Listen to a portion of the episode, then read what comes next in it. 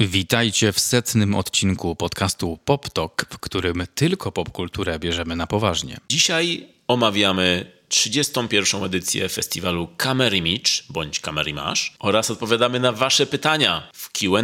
A mówią do Was jak zwykle Michał, i Marek. zapraszamy!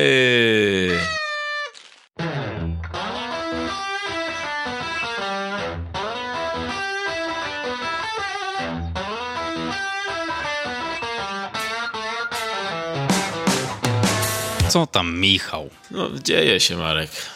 Co się dzieje? Po staremu. To są dwie zaprzeczające sobie odpowiedzi. Dzieje się, ale jest po staremu. Może u ciebie zawsze się działo? Czyli zawsze się działo, teraz się dzieje i będzie się działo. W każdym czasie. Ale dzisiaj nie mamy czasu rozmawiać właśnie o tym, bo mamy dużo dzisiaj na głowie i dzi- dużo dzisiaj mamy na mikrofonie. Musimy trzymać rękę na pulsie.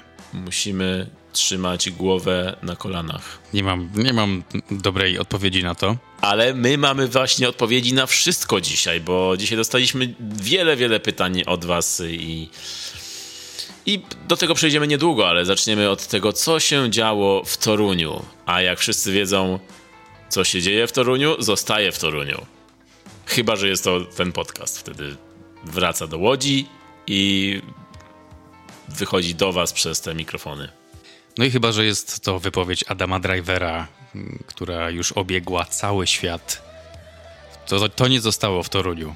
To nie zostało w Toruniu. To, to, to można powiedzieć, że, że Adam to wydrajwował z Torunia. Wow. Dla waszej informacji nagrywamy ten odcinek wcześnie rano, więc y, jeśli bę- będzie zbyt sucho lub y, suszej niż zwykle, to, to, jest, to jest odpowiedź na to. To jest kwestia godziny po prostu. To jest kwestia wczesnej godziny, bo jak wiemy, poptok z rana nie jak śmietana. W ogóle, why śmietana? Piłeś kiedyś śmietanę rano i było ci dobrze po tym? Nie, nie, chyba że chodzi o taką y, śmietanę 36% do ciasta. To pi pijasz taką? Nie, ale zawsze lubiłem wylizywać z pudełka, jak coś zostawało i y, ktoś robił ciasto.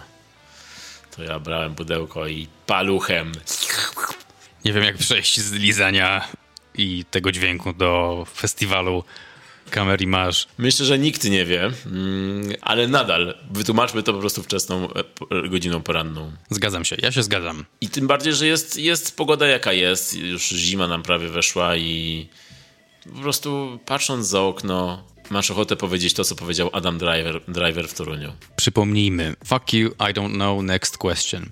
Dokładnie. Kiedy jakiś e, uczestnik QA po filmie Ferrari spytał Adama Drivera, dlaczego sceny wypadków samochodowych w tym filmie wyglądają tak słabo.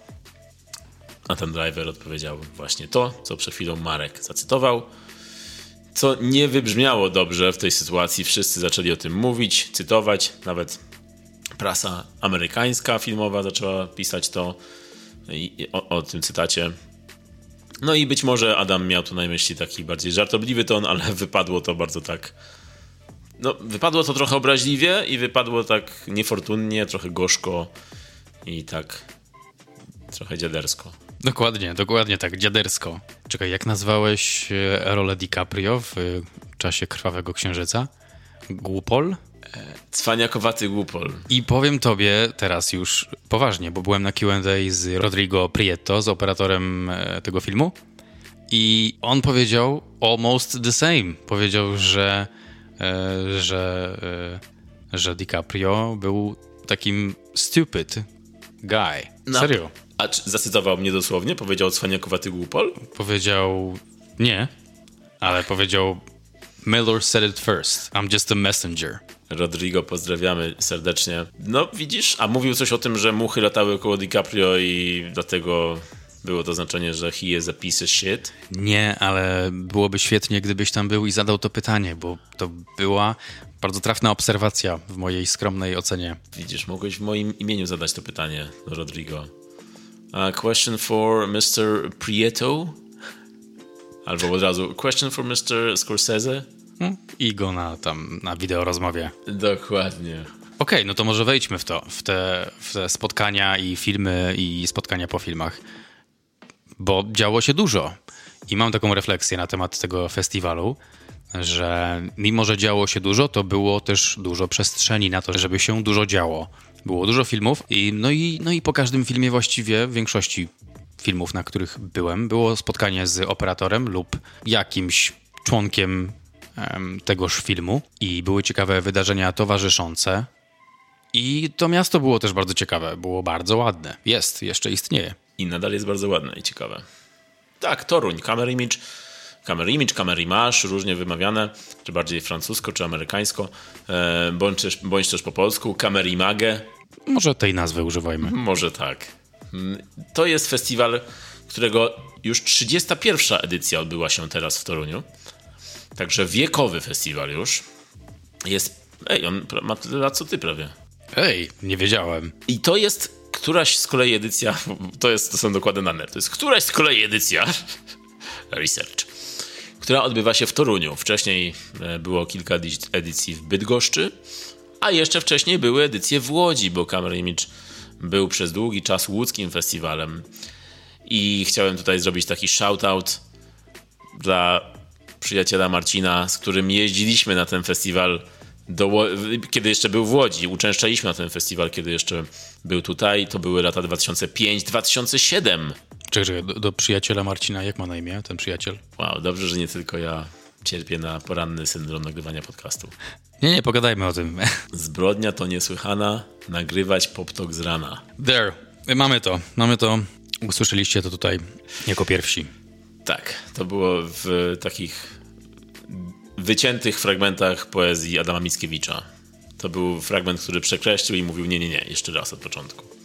Taki bloopers jego.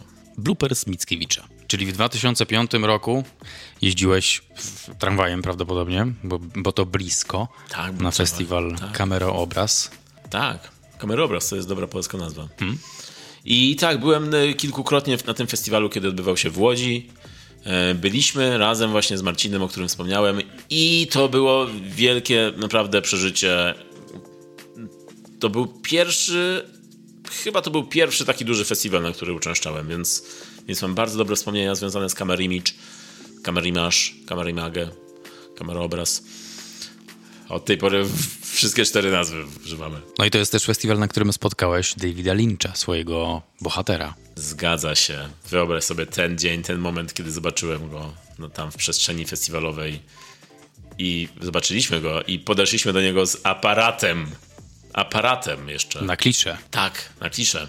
I powiedział do was, fuck you, I don't know. Next question, next picture. No właśnie, na szczęście byliśmy z aparatem, bo przecież on jest y, fanem, e, wiesz, e, filmu.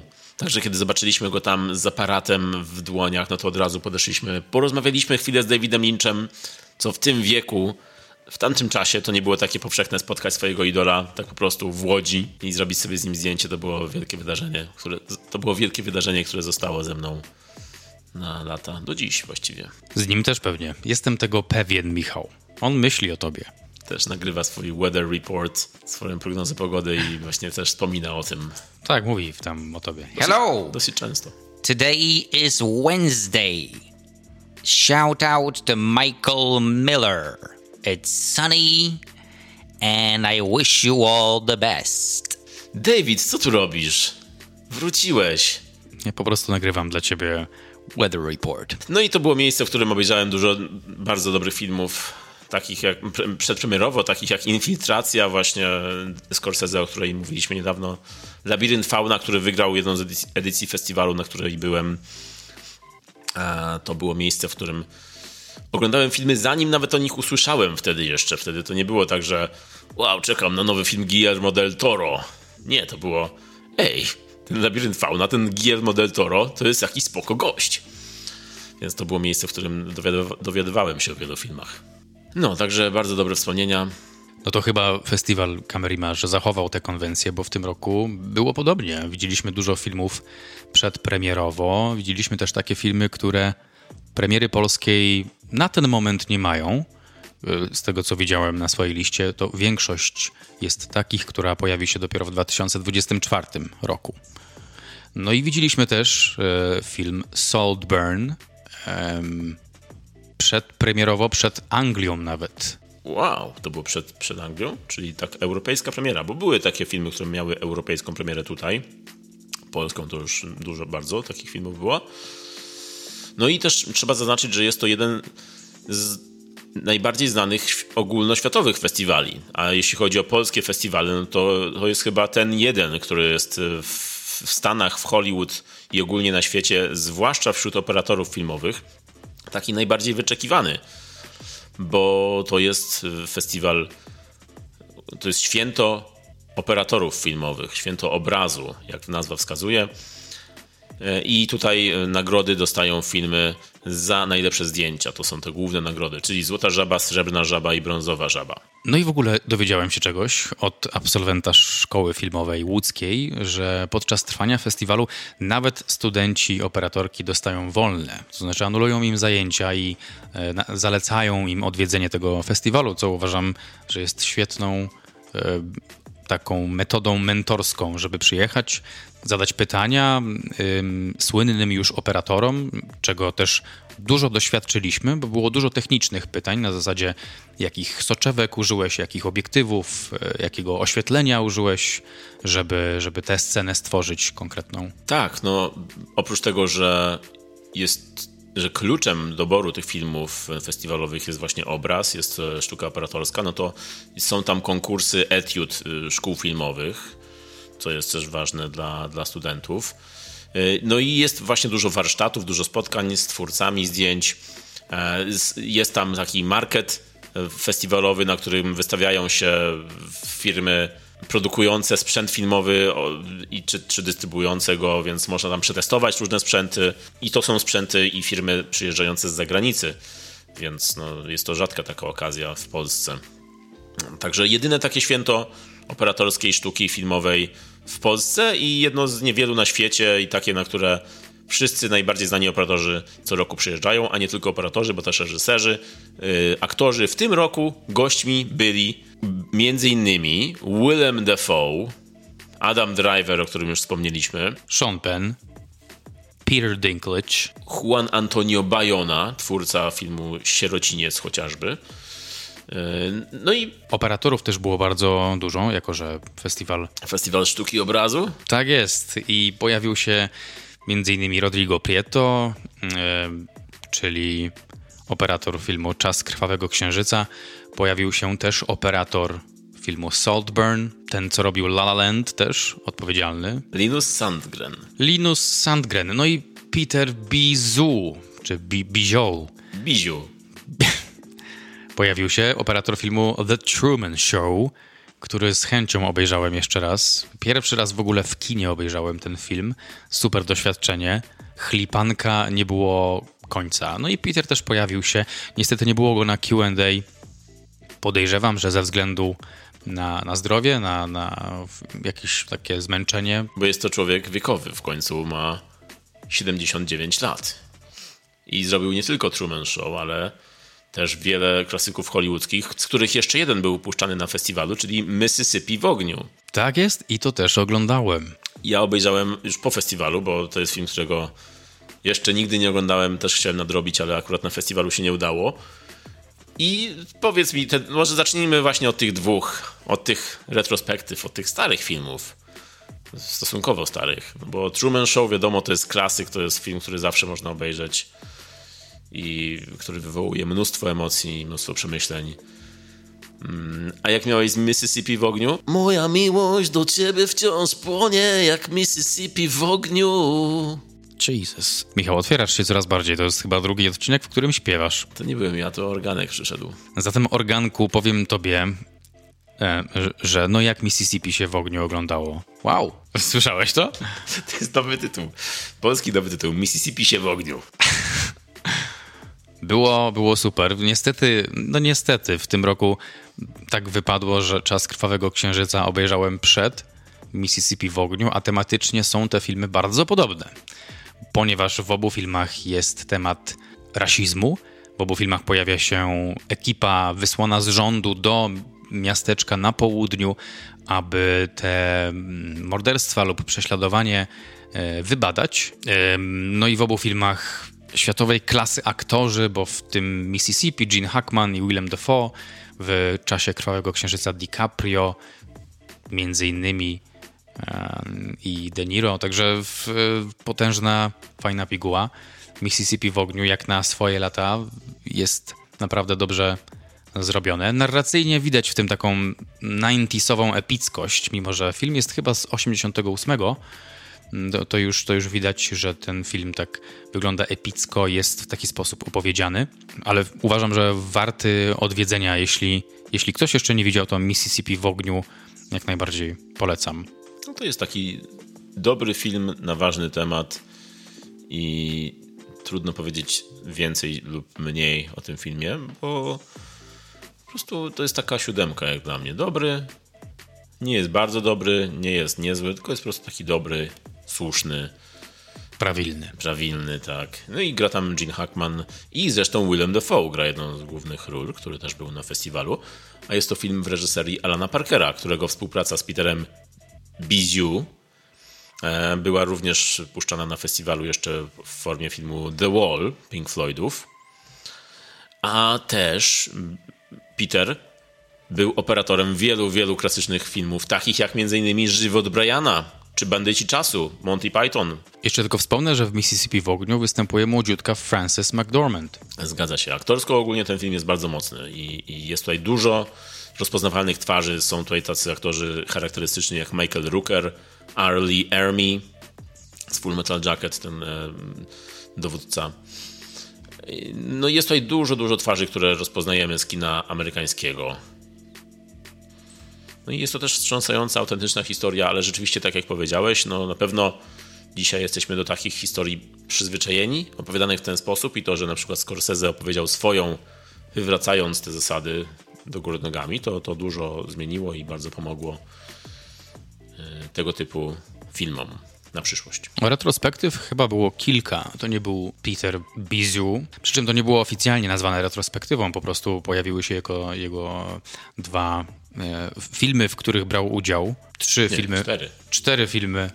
Pięć filmów, w których Pick Your Poison. W każdym razie nie była to oficjalna retrospektywa. Of- oficjalną retrospektywą był chyba Herzog i jego filmy.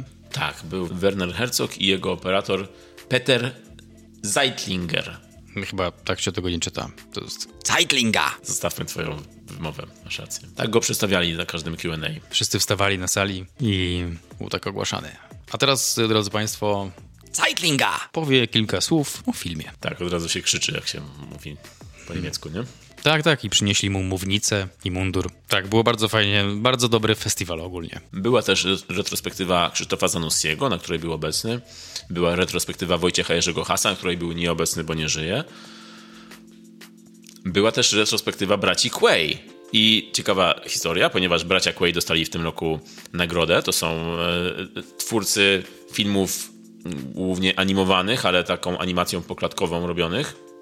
E, I to są filmy też bardzo. No, to są filmy niszowe, filmy nieoczywiste, filmy z, gęste od klimatu, filmy, których chociażby fanem jest Christopher Nolan i on nakręcił o nich film dokumentalny zresztą kilka, kilka kilkanaście lat temu.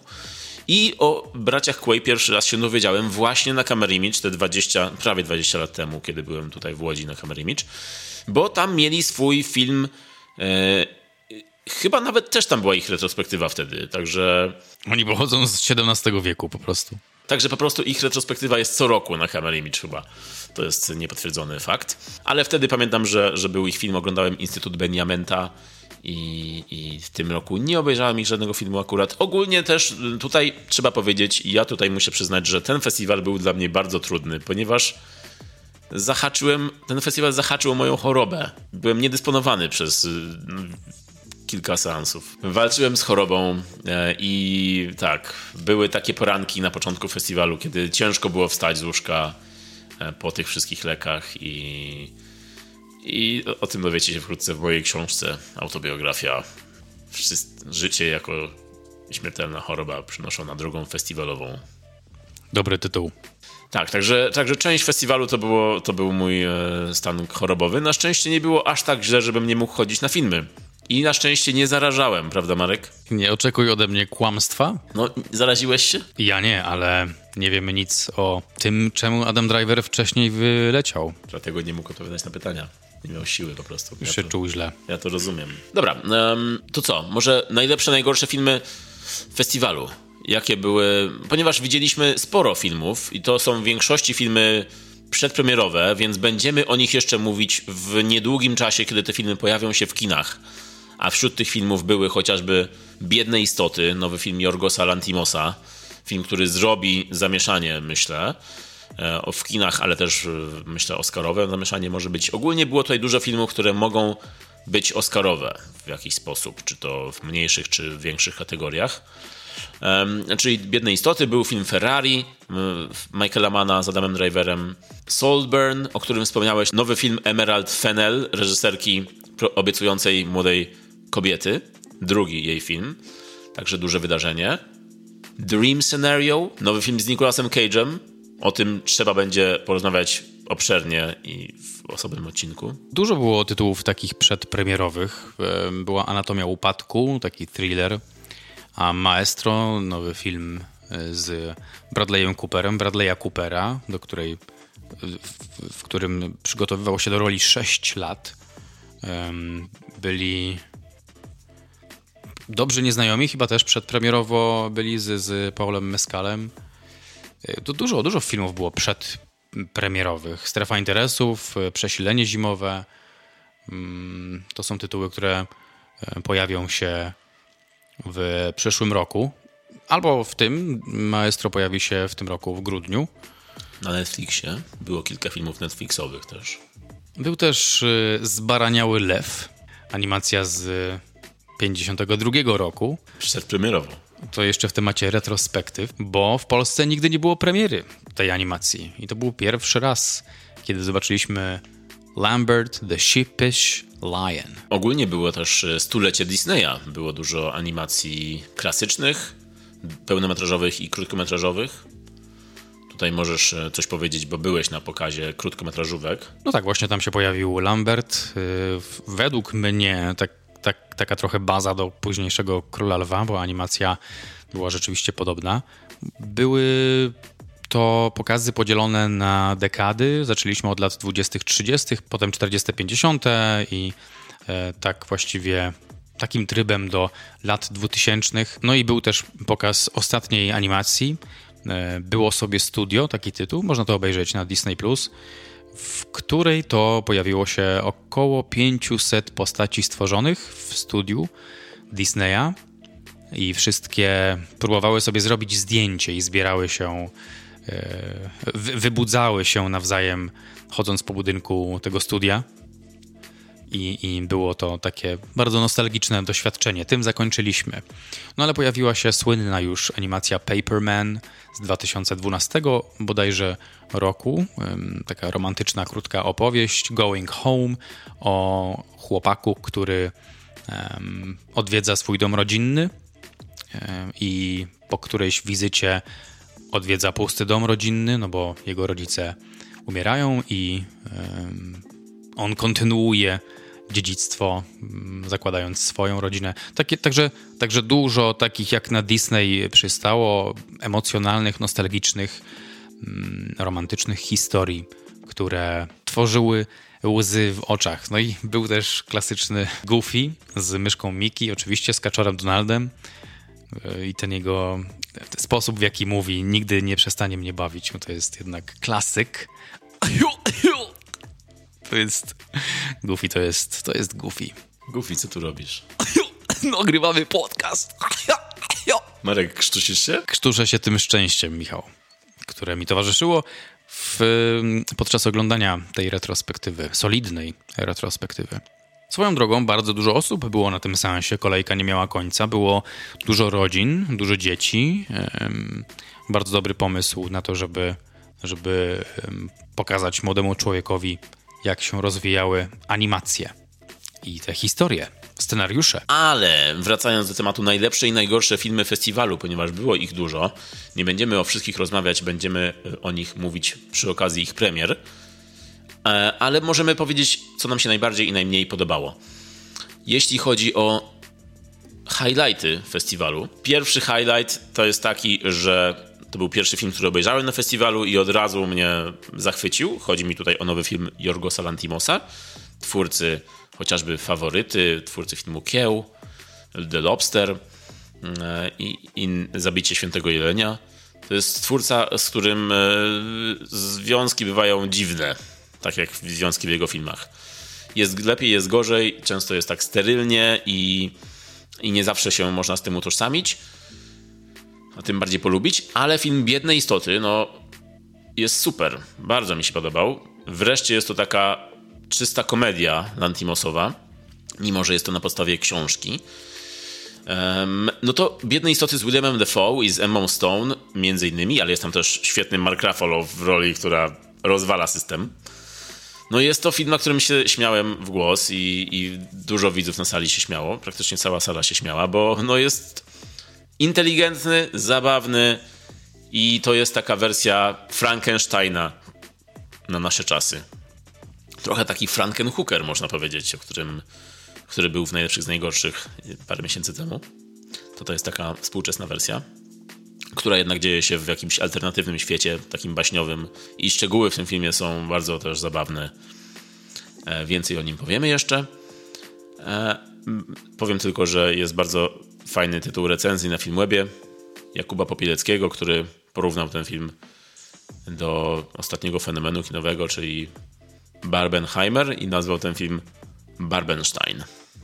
To mi bardzo pasuje, takie połączenie Frankensteina z Barbie. Bardzo dobre porównanie. E, dla mnie to była trochę, trochę taka Emanuel, bardziej taka baśń erotyczna w świecie Del Toro, chociażby w świecie Pinokia.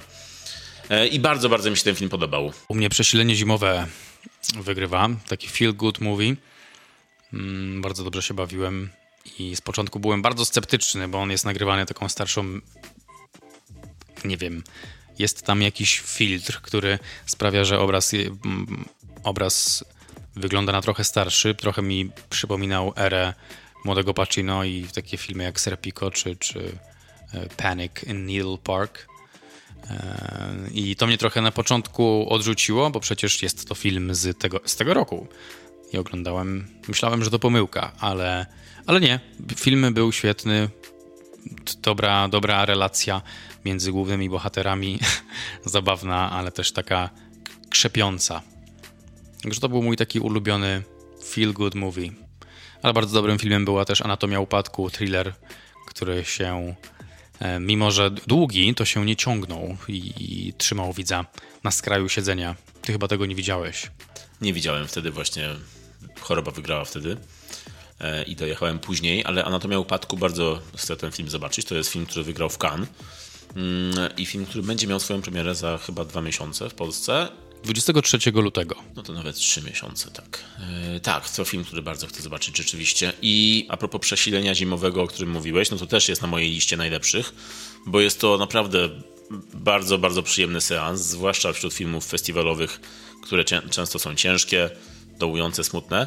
A to jest nowy film Aleksandra Payna, twórcy chociażby filmu Spadkobiercy, Nebraska, Bezdroża, Wybory. On ma na koncie dużo dużo ciepłych, dobrych filmów. I to jest zdecydowanie jeden z najlepszych w jego filmografii. No, oglądało się to rzeczywiście świetnie. Mm, jest, już jest taki współczesny świąteczny klasyk, ponieważ trochę ma vibe takiego filmu jak Klub Winowajców, e, Breakfast Club, czyli uczniowie zostają na święta w szkole z nauczycielem i muszą sobie radzić e, w, w, w takiej szkole z internatem. No i oczywiście wszyscy tu są niedojrzali, dorośli są niedojrzali, młodzi są niedojrzali, każdy się nawzajem uczy i muszą wszyscy dojrzeć. Także super, super film, ciepły, inteligentny, zabawny i ten humor jest e, nie jest taki telewizyjny, hallmarkowy, tylko taki naprawdę, naprawdę dobrze przemyślany. Taki zaryzykowałbym twierdzenie, że to jest to film taki dla, dla dorosłych bardziej niż dla, dla młodzieży. Raczej ktoś, kto ma jakieś doświadczenia na koncie, to bardzo dobrze odczuje ten film. I o tym filmie też będziemy jeszcze mówić, bo to na pewno będzie film, który będzie ważny w wyścigu Oscarowym. Jak zawsze filmy Aleksandra Payna. Ja jeszcze bym też wymienił film Strefa Interesów, który wstrząsnął bardzo mną, wstrząsnął widownią, dostał nagrodę Fipressi i jest to nowy film Jonathana Glazera, który robi filmy rzadko, ale jak robi, no to są na pewno warte uwagi. I zdjęcia tam robi Łukasz Żal, nasz własny Łukasz Żal. Film, który pokazuje Holokaust, film, wojnę z całkowicie innej perspektywy, takiej zimnej, zdystansowanej i przez to takiej bardzo odpychającej. Też będziemy jeszcze pewnie o tym jeszcze mówić bliżej premiery. No i jeden jeszcze, który jest na mojej liście, który zasługuje na uwagę waszą też, to jest Dream Scenario. Nowy film z Nicolasem Cage'em. Film odjechany, film, o którym, film, który zasługuje na osobny odcinek, ale, ale na pewno jest już w moim sercu. A u ciebie? Y, Cage w tym, w tej odsłonie nie jest w moim sercu niestety. Y, znaczy dobry film, taka siódemka, ale jeszcze o tym pogadamy. A z tych właśnie, które nie są w moim sercu, kontynuując, to, y, to mm, mam trzy. Mam trzy, które nie są złe, tylko po prostu nie wylądowały u mnie. E, to jest film Lee, Granica Mroku i Strefa Interesów. E, to, to było coś, co nie do końca ze mną rezonowało. Temat y, Holokaustu i temat II wojny światowej to jest temat, wydaje mi się, przerabiany przeze mnie nadprogramowo i, e, i, i, i jest dużo dobrych filmów o tym okresie, strasznym dla nas wszystkich. Natomiast, e, natomiast e, doceniłem rolę i, i doceniam konwencję, w jakiej film jest stworzony, ale ten chłód i ten dystans sprawiły, że byłem właśnie zdystansowany bardziej. Jak sam Łukasz Żal to określił, jest to taki Big Brother z czasów Holokaustu, bo, bo historia jest odpowiedziana kilkoma kamerami naraz, dziesięcioma chyba tam było. Może coś przekręcam. Kamery były umieszczone w domu oficera SS, który mieszkał tuż obok obozu koncentracyjnego.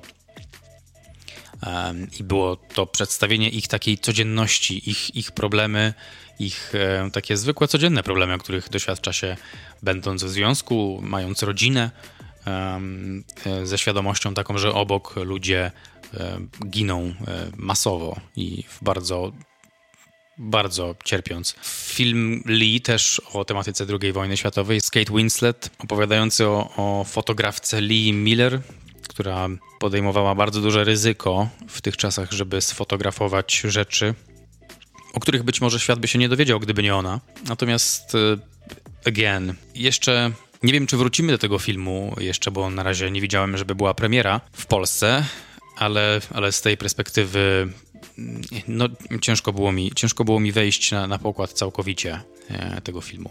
No i Granica Mroku e, z Seanem Pennem, e, Tajem Sheridanem, opowiadający o realiach pracy w to była chyba straż pożarna, ale oni byli jednostką taką, oni byli ratownikami medycznymi, jeździli ambulansem mm, i bardzo ciekawe było to pokazanie od podszewki ich, ich pracy, e, tego jak wygląda ich codzienność albo conocność i i to było ok bardzo, natomiast y, nie widziałem tam żadnego rozwoju postaci. Tam może nie na, nie na, tym film polegał, ale oprócz tego, że brakuje takiego rozwoju, przy czym ci aktorzy e, świetnie by się do tego nadawali, to, to jeszcze było kilka takich scen, które były zmontowane dla mnie troszkę chaotycznie. Nie mogłem, nie mogłem w to wejść całkowicie.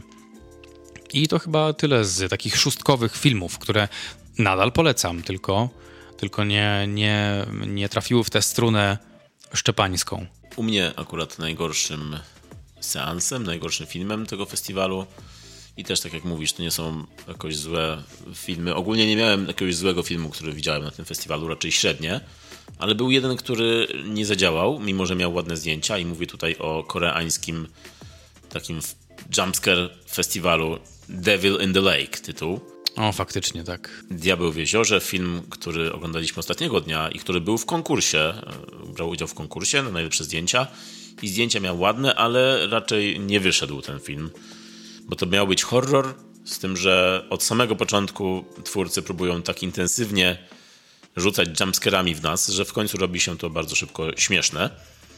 I zwłaszcza, że irytująca bohaterka podejmuje ciąg bardzo niedorzecznych decyzji w tym filmie i jest to. No, nie da się tego w żaden sposób kupić. Także zdjęcia, scenografia robią w tym filmie robotę, ale nic innego raczej nie pomaga. Y, nie pomagają też trzy zakończenia, które jeden po drugim wydłużają czas trwania filmu, a na festiwalu nigdy nie jest to nic dobrego, kiedy już chcesz iść a tutaj jeszcze masz jedno zakończenie, jeszcze jedno, kiedy już okej, okay, rozumiemy o co chodzi. Także, y, także film, który bierze się zbyt poważnie, film, który jest zbyt dosłowny, a przez to robi się szybko kiczowaty i dlatego Devil in the Lake, mimo że miałem duże nadzieje, fajnie zawsze obejrzeć horror, zwłaszcza na festiwalu takim jak jest Camera Image, festiwalu kina poważnego, szacowanego, dostojnego, to dobrze zobaczyć horror, jeszcze horror z Korei tym bardziej. Także miałem nadzieję, ale mnie rozczarował. I też film, który może nie jest złym filmem, ale film, który był rozczarowaniem tego festiwalu. To jest film, niestety, film Shona Pena, Superpower. Dokument o ataku Rosji na Ukrainę, o wojnie, która obecnie się dzieje. Dokument ważny, poważny, ale kurczę, nie zadziałał zwłaszcza obecność Shona Pena ogólnie w tym filmie i to, to jego zaangażowanie w tym filmie bardzo mnie przynajmniej raziło. Nie wiem, czy ty tak miałeś podczas seansu, ale Sean Penn był obecny na sali i podczas rozmowy o tym filmie widać było jego zaangażowanie. Widać ogólnie, że, on, że to jest dla niego sprawa bardzo, bardzo ważna. To jest priorytet, żeby pokazać to ludziom wszędzie. To jest priorytet, żeby ogólnie nakreślić wagę tego problemu, zwłaszcza Amerykanom. On stwierdził, że to jest film dla Amerykanów, którzy trochę nie, nie doceniają tego, nie, nie widzą takiego problemu, bo są daleko. E, I, I to jest oczywiście ważne e, i to jest film potrzebny, ale odbierając go tutaj w Polsce widać często takie zabiegi typowo hollywoodzko-amerykańskie, czyli Zbawiciel przyjeżdża na Ukrainę ubiera się w, w kamizelkę kuloodporną, zakłada hełm, bierze broń i idzie, idzie wybawić. Ten Amerykanin idzie wybawić całą Ukrainę. Są takie momenty tutaj, które mnie raziły. To jak Penn idzie na, na, na, na front, idzie walczyć i to jest podkreślane w bardzo taki Schwarzeneggerowy sposób, że on tak się przywdziewa te wszystkie, tą całą zbroję, tę, broń bierze i tak jak, jak bohaterki na akcji po prostu wygląda.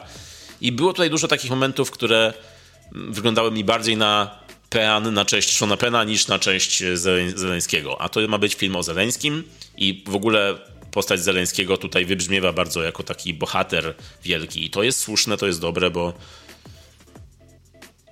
e, widać cały ten znój, widać to, co, z czym musiał się i musi się um, mierzyć prezydent Ukrainy. I też y, ciekawe jest to, że to, to, to miał być film o Zeleńskim. To miał być film o tym, jak aktor, jak komik doszedł do władzy i sprawuje władzę nad krajem. Zmieniło się to w trakcie kręcenia, ponieważ właśnie wtedy, kiedy Penn był e, na Ukrainie, no to wszyscy wiedzą, że wtedy właśnie wybuchła wojna i on tam został i zaczął kręcić. Zmienił ten film w film o wojnie. No i jest to dla mnie średni film. Nie jest zły, nie jest dobry, ale no, są tam na przykład takie sceny jak Sean Penn jadący pociągiem, a obok niego stoją puste butelki po żubrówce co po prostu jak się ogląda z naszej perspektywy, to jest śmieszne, że on tak na poważnie tutaj opowiada do kamery, a obok stoi pusta żubrówka. Tak jakby, wiesz, jakby z jednej strony Hollywood, Ameryka, impreza, zaraz wracam do domu i będzie fajnie ciepło, a z drugiej strony tutaj tragedia, znój, smutek, wojny. Trochę się to gryzło ze sobą w tym filmie. Nie wiem, czy ty tak miałeś podczas seansu. Zgadzam się z tym, z tym, że to jest taki pean, można powiedzieć, że to był taki Sean Pean, ten film bardzo dobrze przedstawiał Shona w centrum wydarzeń jako tego The One, e, który tam się pojawi i on, on pokaże, jak to jest naprawdę.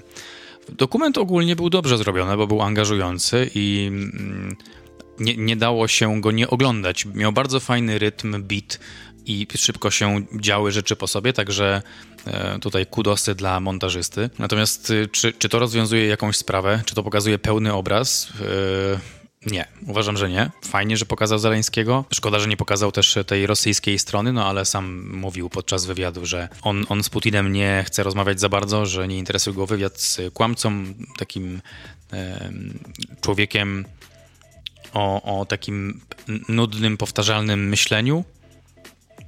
E, uważam, że to by trochę wzbogaciło ten obraz cały. Ja na przykład nie do końca wiem, na czym polegał ich odwieczny konflikt, a ten dokument pokazał mi y, stronę Ukrainy bardzo. I był taki bardzo jednostronny. Uważam, że dokument powinien robić lepszą robotę niż, niż to. Natomiast, again, był bardzo angażujący i nie dało się go nie oglądać. A żubrówka obok Shona Peana to w ogóle alkohol pojawiał się często obok Shona. I nawet, nawet na sali podczas wywiadu tak e, widać, że widać, że człowiek musi być, no nie wiem, teraz zgaduję, ale dużo podróżuje, więc pewnie też dużo potrzebuje się wyluzować. Tak to odczytuję oczywiście. On był trochę czerwony na twarzy, ale nie wiem, czy to alkohol, czy światła, może mocne. To, to prawda, padało na niego, tylko na niego czerwone światło. Mocne czerwone światło. Zawsze nosi ze sobą taką czerwoną lampę i rozstawia na scenie. Taki gościu chodzi z nimi. Tu będzie dobrze, panie Pen? Yes, yes, thank you. Ale widać, tak jak powiedziałeś, że, że dla niego jest to bardzo, bardzo ważna sprawa. Y, Pytany o to wielokrotnie odpowiadał tak, jakby zaraz miał mu się załamać głos. Jakby miał zaraz wpaść we łzy, e, czego nie robi, ale tak to brzmi, jakby tak miał zrobić. Myślę, że gdyby ten film oddawał bardziej głos y, ludziom, mieszkańcom Ukrainy, więcej byłoby tego właśnie przeprowadzania wywiadów takiego dokumentalizmu, a mniej obracania kamery na Shona Pena, które się tu zdarza bardzo często. Pen rozmawia z kimś, z jakimś y, z, mieszkańcem Ukrainy, który, który przeżył tragedię i ta kamera co chwilę jest na Pena, na reakcję Pena i to, to było kompletnie niepotrzebne. Po co rozumiem z jednej strony, że to jest taki sposób na pokazanie, że ten film ma moc, bo jest w nim gwiazda. Ale no wszyscy wiemy, że jest w nim gwiazda, po co cały czas pokazywać ujęcia Shona Pena robiącego rzeczy w Ukrainie. To mógłby być inny film. E, także, także bardziej dla mnie tytuł powinien brzmieć zamiast Superpower Star Power. Bo tutaj jest, to jest podkreślone to, że Sean Penn ma moc sprawczą, jest gwiazdą i może pojechać na Ukrainę i może zmienić wiele rzeczy. Chociaż w, w jego mniemaniu ten film ma tytuł Superpower, ponieważ e, tutaj jest ujęcie kończące ten film, które pochodzi z filmu, z serialu Sługa Narodu, w którym e, karierę zrobił Wołodymyr Zeleński, opowiadający o zwykłym szarym obywatelu, który jest, o zwykłym aktorze, który zmienia się w prezydenta i taka też e, stała się rzeczywistość. I ten film właśnie kończy ten cytat Superpower, że dziecko mówi, syn jego mówi do Zeleńskiego, że że to jest, że ta supermoc to jest właśnie, że on jest tą supermocą. Także Także ten film chce być takim peanem na cześć Zeleńskiego i podkreśla to bardzo mocno, wręcz bardzo dosłownie. I ja to rozumiem, to jest oczywiście szczytne, dobre i, i on zasługuje na takie, na takie obrazy i takie laurki po tym, co się wydarzyło. Natomiast ten, ten film rzeczywiście jak na film dokumentalny jest oferuje mało. Mało ponad to, co widzieliśmy w wiadomościach chociażby. To są wiadomości plus Sean Penn. Zresztą ten, ten film ma klamrę taką ulubionego wiersza Seana Penna. Na początku i na końcu jest, pojawia się wiersz Sarojana, który Sean Penn podkreśla, że jest bardzo ważny, bardzo mądry, bardzo głęboki. I kiedy ten film kończy się tym wierszem, to już jest taki moment wręcz przesady. Za, za dużo, za dużo już. I e, Sean Penn pojawił się na festiwalu, był jednym z gości, nie dostał żadnej nagrody, ale było to ważne wydarzenie, to, że przyjechał i ogólnie jest to ważne wydarzenie e, gdziekolwiek jest z tym filmem, że stara się pokazać ciężar tej wojny i, i to, co się dzieje. W Stanach też, e, film zresztą pokazywał to, że w Stanach on przyjeżdża do Stanów i głosi prawdę o tym, co się dzieje w Ukrainie na lewą stronę i na prawą stronę. On jest taką osobą łączącą. To też było trochę takie wręcz do przesady. Natomiast e, Sean Penn przyjechał, nie dostał nagrody, ale kto dostał nagrodę na tym festiwalu, to jest ważna sprawa. E, Żaby. Do kogo powędrowały żaby? E, Były trzy. Brązowa, srebrna i złota. Może od końca. Brązową żabę. Trzecie miejsce otrzymały Biedne Istoty Jorgosa Lantimosa ze zdjęciami Robiego Ryana, który był obecny na Q&A z, Willem, z Willemem Defoe. To jest, to jest też ciekawe na tym festiwalu, kiedy jest Willem Defoe gościem i Robbie Ryan, to więcej pytań jest do operatora Robiego Ryana, mniej do, Willem, do Willema Defoe. I bardziej skomplikowane są do Ryana. Siedzisz na Q&A i słuchasz o tych wszystkich przesłonach, oświetleniu, soczewkach, kamerach. Także jest dużo technicznego, e, technicznego żargonu, dużo technicznych pytań też do, do obecnych e, na festiwalu twórców. Drugie miejsce Srebrna Żaba, film Hrabia w reżyserii Pablo Larraín ze zdjęciami Eda Lachmana, klasyka hollywoodzkich zdjęć. Film Hrabia jest dostępny na Netflixie i jest to bardzo dobry film. Można go obejrzeć, ja go polecam. To jest świetne połączenie, taki miks gatunkowy używający wampirów, e, kina wampirycznego do pokazania prawdziwej historii. To jest historia Pinocheta, chilijskiego przywódcy, który doszedł do władzy robiąc przewrót, przez którego zginęło wielu, wielu obywateli chilijskich i który jest bardzo złą postacią i w tym filmie jest pokazany jako wampir żyjący 250 lat i, i żywiący się krwią i sercami obywateli Chile. Także jest to bardzo dosadna metafora. Jest to bardzo fajny też film gatunkowy, który ogląda się naprawdę bardzo dobrze, a przy tym e, jest pełen pysznych dialogów. Bardzo taki sarkastyczny, bardzo. No to jest taka trochę satyra z wampirami. I zdjęcia są rzeczywiście piękne, także hrabiego polecam wam, zwłaszcza jeśli lubicie filmy Pablo Larraín. On zrobił chociażby Jackie, zrobił Spencer o, o Dianie i zrobił też film Emma, że ma na koncie dużo dobrych filmów. No i Złota Żaba, pierwsze miejsce, film The New Boy, reżyseria Warwick Thornton, zdjęcia też Warwick Thornton. Niestety film The New Boy ominęliśmy obaj, spojrzeliśmy w opis i stwierdziliśmy, że nie, uśniemy na pewno. Wow. Mimo, że gra tam Kate Blanchett, to obaj stwierdziliśmy, że lepiej, lepiej nie. I co? I Kate Blanchett jest tam zakonnicą. Wszystko ci mówi, nie idź na ten film, uśniesz. Tak, tak, tak, tak, tak, tak. Zwłaszcza na festiwalu. Są takie filmy na festiwalu, jak czytasz dwie godziny filmu o aborygenach, w których zakonnica, grana przez Kate Blanchett, próbuje um, edukować małego chłopca. To jest film, który bym normalnie w domu obejrzał, ale na festiwalu jeden z pięciu filmów tego dnia stwierdzam, że nie, chyba, chyba nie, chyba wezmę coś innego. I później się okazuje, że ten film wygrał, patrz. To jest błąd. Wezmę jest... animację Disneya. No akurat nie, ja nie wybrałem animacji, ale nawet nie pamiętam, co wybrałem, ale no są to z przejść festiwalowych, z doświadczenia festiwalowego wiem, że takie filmy e, brzmią jak takie slow cinema, które potrafi szybko uśpić, zwłaszcza o tej porannej godzinie. E, no także to był wielki błąd. Teraz żałuję. Teraz żałuję, bo okazuje się, że to jest bardzo dobry film. Wtedy jeszcze o tym nie wiedziałem. Nie, nie było recenzji. Był tylko mylący opis. Jestem całkiem pewien, że na końcu opisu był hashtag boring. Don't go. No ale to jest dobra metoda na przyszłość, jak będziemy oglądać filmy na innych festiwalach i czytać opisy i jeśli znudzi nas podczas czytania, to wiemy, że ten film wygra. Czyli następnym razem chodzimy na wszystkie filmy, na które normalnie byśmy nie poszli. Zgadzam się, zgadzam się z tym. Może to jest, może to jest jakiś sposób. Nagroda Fipresji, Międzynarodowego Jury Krytyków e, otrzymał, film, otrzymał film Strefa Interesów, o którym już mówiliśmy. Mnie się podobał, Markowi nie. Wszystkim krytykom się podobał. Kto ma rację? Oczywiście żartuję, to jest ciężki film, który ma prawo się nie podobać. E, I jeszcze ważna sprawa, czyli konkurs filmów polskich. Najlepszy film polski tego roku z najlepszymi zdjęciami to jest Doppelganga, Sobowtór. To nie jest tak, że mi się nie podoba, po prostu nie, nie, nie powiedziałbym, że ma dostać jakąś nagrodę. Uważam, że to jest dobry film, ale jak już wspomniałem wcześniej, nie wylądował u mnie. Dobrze, nie, nie, nie wywoływałem cię do tablicy, nie przejmuj się, nie chodzi o to, że to był żart, Alek. Nie jest to przyjemny film, jest to bardzo nieprzyjemny film, ale który robi duże wrażenie, dlatego też e, znalazł się na mojej liście, ale no wiem, że jest to film, który który jest no raczej nie obejrzałbyś do obiadu go. i ogólnie na wieczorną rozrywkę. To jest film, który wymaga skupienia, film, który wymaga no jakiegoś Intelektu, Marek. Intelektu. Wiem, że to, wiem, że tego słowa, to słowo próbuje wyjść z ciebie. Um, oczywiście żaden film o wojnie nie jest rozrywkowy. To znaczy, są tacy ludzie, którzy to przedstawią rozrywkowo. Quentin pozdrawiamy. Natomiast no, ten film w tej konwencji ja ją doceniam i widzę, co on próbuje zrobić, Łukasz.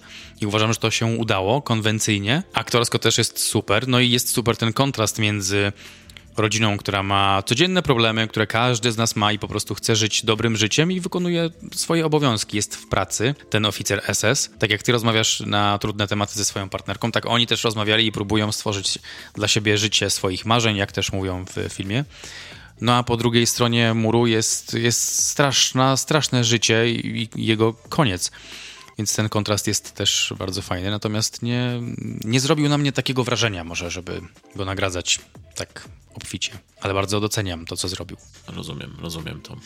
Rozumiem to i szanuję zawsze. Konkurs debiutów reżyserskich e, wygrał film Bogu dzięki Chłopiec w reżyserii Amjada al-Rashid. Czyli to, co powiedział Michał, jak się dowiedział, jaką płeć będzie miał. Dziecko jego będzie miało, nie on. No, gdyby się okazało, jaką ja mam płeć, to rzeczywiście. Panie Michale, jest pan chłopcem. To jest oczywiście, Bogu dzięki chłopiec, to jest właśnie film o tego rodzaju problemach, dylematach, ponieważ jest to film rozgrywający się w Jordanii, czyli państwie, w którym takie słowa padają pewnie często z ust, ponieważ no, posiadanie syna zmienia wszystko tam w rodzinach. Także to jest film, no, którego nie oglądaliśmy, ale który dostał nagrodę za e, debiut reżyserski. Natomiast debiut operatorski e, to był film A Song Sung Blue w reżyserii Zihana Genga. Tego też nie, nie widzieliśmy. Nagroda publiczności powędrowała do filmu Biedne Istoty, o którym już mówiliśmy. Tutaj bardzo, bardzo słuszne. Ja też wydaje mi się, że głosowałem na to. E, konkurs seriali telewizyjnych, to jest też ciekawa sprawa na tym festiwalu. Zawsze jakiś pilot, są tam e, piloty seriali nowych puszczane i w tym roku wygrał serial The Offer w reżyserii Dextera Fletchera.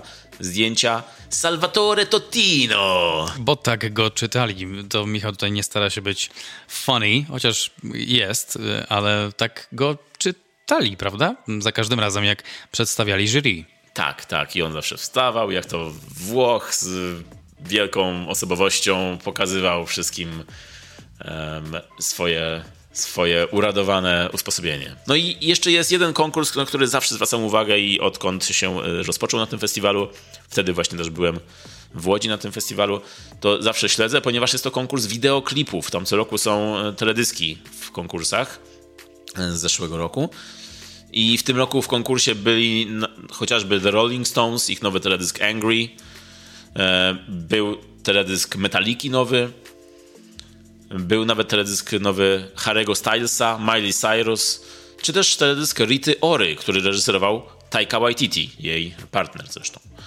No i w tym konkursie nie wygrali, w tym konkursie nie wygrało żadne z nich, ponieważ wygrał e, zespół Son Lux z utworem i teledyskiem Undertow w reżyserii Alexa Cooka. Także y, bardzo, bardzo było nam miło gościć na festiwalu Kamerimicz, Kamerimasz, Kamerobraz, Kamerimagę. I mamy nadzieję, że widzimy się tam za rok. Nie tylko my, ja i Marek. Na to też mamy nadzieję, bo nigdy wiesz. Tak się mówi, prawda? You never know i nigdy wiesz. Rzeczywiście. Może w tym czasie się nie będziemy widzieć w ogóle już. Dopiero za rok się widzimy.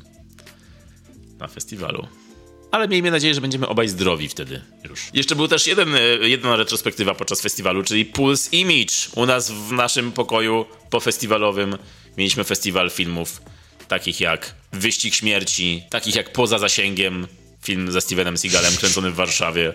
Z małą dziewczynką. I ich relacja, ponieważ to jest normalne. I polski chłopiec, który oczywiście popija wódę. tak.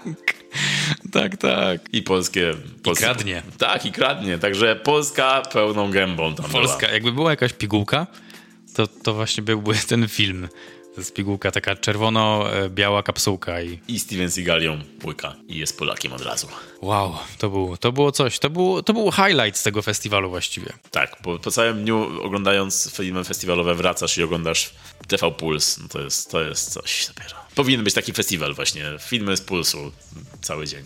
No, także dziękujemy Toruniowi. Toruń piękne miasto. Zawsze warto odwiedzić. Miasto Pamiętasz, jak powiedziałeś o tym mieście? Toruń, miasto Kopiernika. Nice. To jest e, tekst, który wymyśliliśmy podczas festiwalu. Wtedy, kiedy nie poszliśmy na film The New Boy, to właśnie to robiliśmy. Wymyśliliśmy tekst Miasto Kopiernika. I nikt tego wcześniej nie użył na pewno. Tak, to były dwie godziny siedzenia w ciszy i pod koniec I got it! I byliśmy zadowoleni z siebie. Tak jest. To co? Przechodzimy do tego, po co zrobiliśmy setny odcinek, ponieważ to jest ten odcinek, to jest numer 100. Do tej pory było 99, ten jest setny. Tak działa matematyka. Powiedz coś jeszcze na ten temat.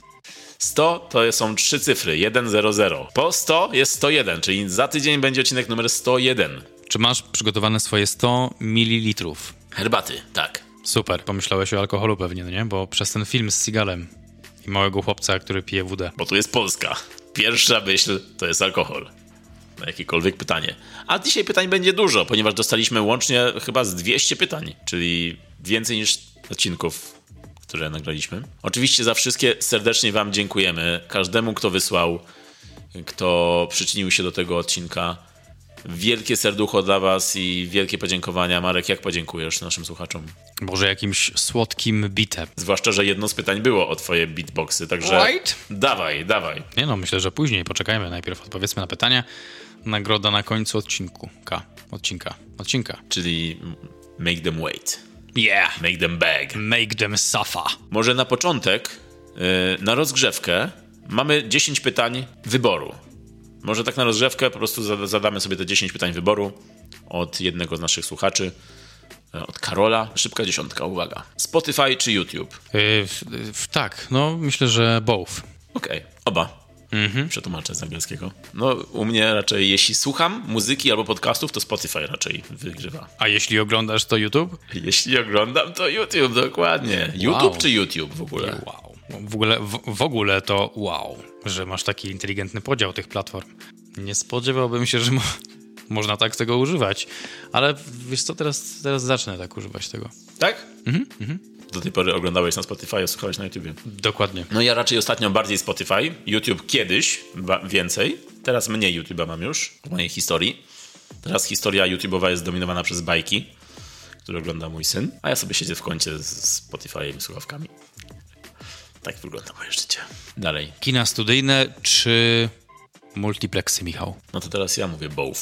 Oba. Tutaj dla mnie nie ma podziału. Zarówno kina studyjne, jak i multiplexy. Po prostu kino to jest jedno. Super. A ty? Tak, ja to samo. Kina studyjne i multiplexy, wszystko kocham.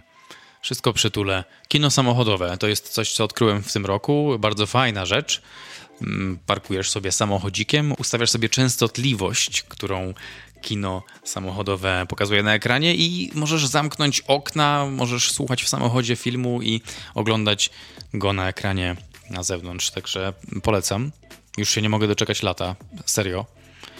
Em, ale tak, tak, multiplexy nauczyłem się kochać. Kiedyś to był problem, ponieważ w multiplexach ludzie dużo jedzą różnych rzeczy i zachowują się różnie, ale jakoś się em, wyłączyłem. Już, już nie zwracam na to takiej szczególnej uwagi jak kiedyś. Mimo, że dźwięki ogólnie to jest u mnie, to jest problem. Dźwięki różne. Jak jest cicho i są dźwięki, to, to się chyba jakoś nawet nazywa. Jakaś... E, Dźwiękofobia? można to nazwać dźwiękofobią. E, internet nazywa to mizofonią. Mizo? Mizo. Mhm. Mizofonia. mezo? Mizofonia. E, Mezo też tam się zalicza do mizofonii. Czyli jak leci mezo, to, to nie możesz oglądać filmu już. To kwicze. Okej, okej. Dobra, następne pytanie. Gry komputerowe. Co o nich myślicie? Marek, co o nich myślisz? Czy jeśli gry, to gry komputerowe, czy gry w karty? Tu jest napisane game on, Michał. Tak, wiem, że tak jest napisane. Zmieniłem to pytanie na własne, do własnych celów. Wow. Także wiecie już teraz, że możecie nam ufać ze wszystkim. No po prostu gry, czyli robimy gry, tak? To jest przesłanie. Michał, widzę, że czujesz się gorzej w tym temacie. zaraz, może, może zaraz, zaraz się dowiemy, co, co myślisz na ten temat, ale Jasne, że lubię gry, jasne, że tak. chodzi o Game On, o czym też nie wiedziałem, że coś takiego istnieje, bra. Musiałem sobie wygooglować, bo tu jest napisane Game On. Em, czy, Okej, ja to zrozumiałem tak że dosłownie, że czy, czy game on, czy game off, ale uświadom mnie. uważam, że są fajne gry. Gry pomagają mi się zrelaksować. Dobrze, powiedz mi o co chodzi z game on. G- Prawdopodobnie Game On to jest taka strona internetowa, na której kupuje się gry. That's it. Na konsolę gry. Konsole, gry na konsolę. Takie rzeczy, Michał. Okej, Takie okej, okej, tańsze. nie używam, nie wiem. M, e, zro- Zrozumiałem to pytanie, wow, jesteśmy przy trze- trzecim pytaniu wyboru i mamy problem z samym pytaniem. To nam dobrze wróży. Czyli czy gry w, e, komputerowe, czy gry w karty? Raczej gry komputerowe. E, ja kiedyś raczej gry komputerowe wolałem, teraz nie mam na nie czasu, ale chętnie bym w coś zagrał. E, natomiast bardziej teraz gry planszowe bym powiedział. Eurobiznes. Yy... Zawsze. Really? Tyle pieniędzy tam przegrałem.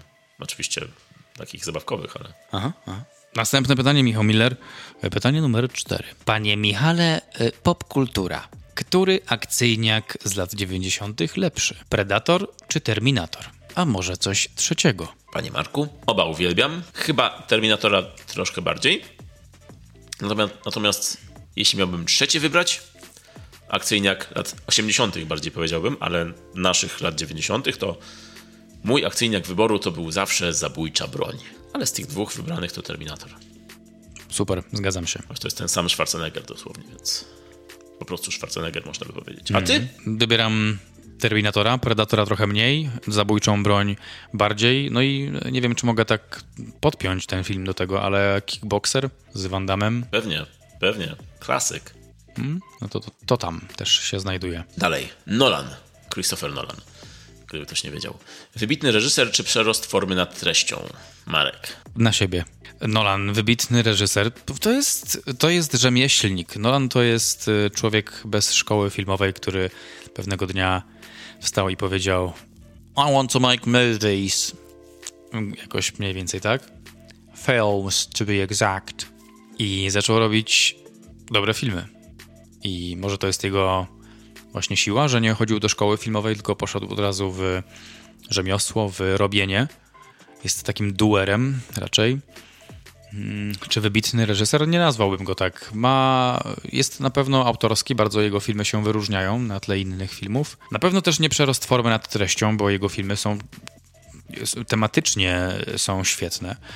Opowiadają o, dużo o czasie, dużo takich moralnych kwestii tam się pojawia. No i zredefiniował Batmana, więc y, duże zasługi i nigdy bym go nie nazwał y, jakoś negatywnie. Uważam, że to jest świetny reżyser. Czy wybitny? I don't know. Po Oppenheimerze troszkę się wycofałem. Um, no to ja ci odpowiem na to pytanie. Tak, to jest wybitny reżyser, Marek. Jeśli ja miałbym odpowiadać, to bym powiedział wybitny reżyser. Zawsze czekam na jego filmy. Odkąd zobaczyłem Memento, które od razu po prostu stało się jednym z moich ulubionych filmów wszechczasów, no to każdy kolejny film to było wielkie wydarzenie i każdy film kolejny okazywał się naprawdę świetnym kinem. E, także no, nie miał złego filmu, to jest, to jest też, jak dla mnie, wszystkie jego filmy są co najmniej 8, 9, a też 10. Wow, Michał. Także Nolan, jak dla mnie, wybitny reżyser, ale też rzemieślnik świetny i to, że nie, miał, nie jest po szkole, to też dużo świadczy o jego otwartości jego umysłu ale też ma swoje, y, ma swoje tematy, do których lubi wracać i w których jest dobry.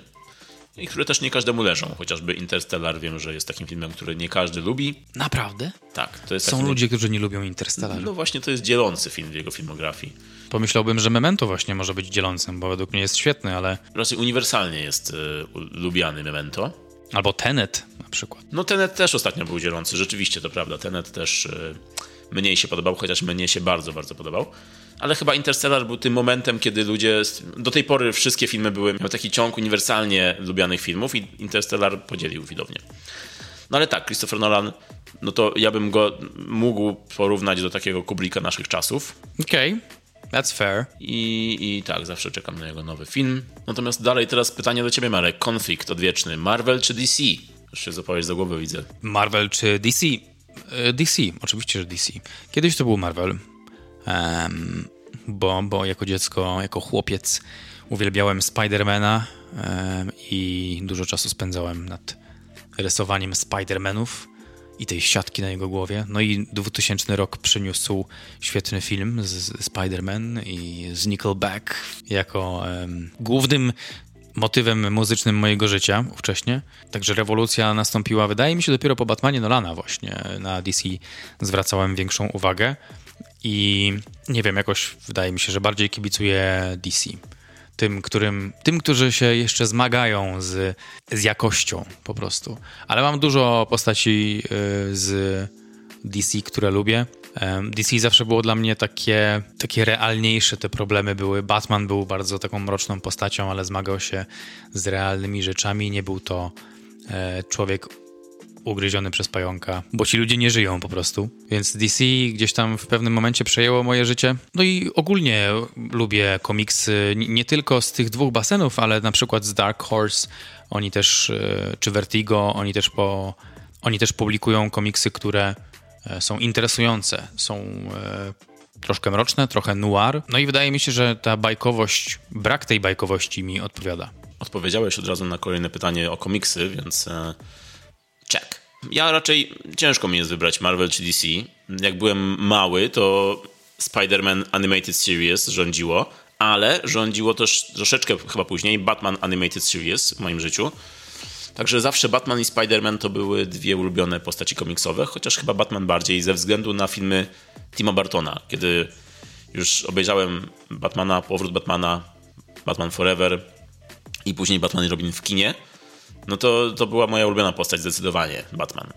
Także tutaj, jeśli chodzi o DC, no to Batman zawsze rządził u mnie. I pod tym względem DC wygrywało, ale później, kiedy Marvel wszedł z tym swoim MCU i stało się to naprawdę takim wielkim wydarzeniem przemyślanym i, i czymś, naprawdę, czymś, co jednoczyło ludzi w kinie, to wtedy, wtedy pokochałem też Marvela za to. Doceniłem ich za to e, i, i stwierdziłem, że nie ma co narzekać jednak. Wcześniej trochę narzekałem, że Marvele, że co się dzieje z tym kinem, tak trochę mówiłem, ale później przestałem i doceniłem i do dzisiaj lubię i Marvela i DC, chociaż jakość Marvela już zaczęła spadać, to już wszyscy wiemy. DC miało wyboje po drodze, miało lepsze, gorsze filmy, także ja ciężko mnie wybrać jedną uniwersalnie lepszą. Były lepsze momenty, były gorsze u każdego z tych dwóch. I komiksy też lubię zresztą, tak jak powiedziałeś. To co? No to e, ja ci teraz zadam e, pytanie bardzo ważne, które padło tutaj w, które kończy tę dziesiątkę, ominęliśmy parę, ale stare Polesie czy stare Bałuty, Marek? To jest bardzo dobre pytanie, ponieważ na Polesiu się wychowywałem głównie. Bałuty pojawiły się w moim życiu jak wchodziłem w dorosłość i that was quite a wchodzenie, bo było tam tak, te, te realia bałuckie, teraz e, pamiątka z przeszłości, usiądźcie moje wnuki i wnuczki i słuchajcie opowieści o bałutach. Ludzie teraz bardzo lubią Łódź i uważałem, że Łódź jest taka urocza i taka charming. Kiedyś taka nie była. Zaparzę sobie chyba herbatę w tym czasie. Potem coś czuję, że będzie... Weź długa, kocyk. Długa historia, dobra. Kiedyś taka Łódź nie była, te bałuty zwłaszcza, no i Polesie zwłaszcza, także dużo się pozmieniało, powiem tak. Wróciłem na bałuty, teraz jestem na bałutach, siedzę na rynku bałuckim aktualnie w kabinie akustycznej. No i co? No i nie wiem, czy. Bo to pytanie chyba insynuuje, co jest lepsze. Stare Polesie czy Stare Bałuty? E, Uważaj, co mówisz teraz. Stare Bałuty zdecydowanie. Dla mnie przynajmniej, no bo teraz Stare Polesie to są odnawiane kamienice i unerfy, ale kiedyś, kiedyś to były zimne podwórka kamieniczne i mało nadzoru rodzicielskiego i zapach świeżego asfaltu kładzionego na drogach. Dzięki, dzięki Marek za tą łódzką bardzo odpowiedź. Wprowadziłeś dużo szarości w nasze życie w tym momencie. Ale zapraszam do Łodzi. Łódź jest urocza i wygląda coraz ładniej. E, no ja akurat, ja pochodzę z Piotrkowa Trybunalskiego, także zawsze w moim sercu Piotrków. Kiedy się sprowadziłem do Łodzi, no to były kurczaki, hojny. Ogólnie tak się wprowadzałem po kolei, tak i szedłem coraz głębiej w łódź. Kurczaki, hojny, coraz dalej, coraz dalej, aż w końcu wylądowałem na bałutach i tutaj mi najlepiej. Także wybieram stare bałuty, jak to się mówi, bałuty i hojny, naród spokojny. tak bym powiedział właśnie o mojej historii z Łodzią.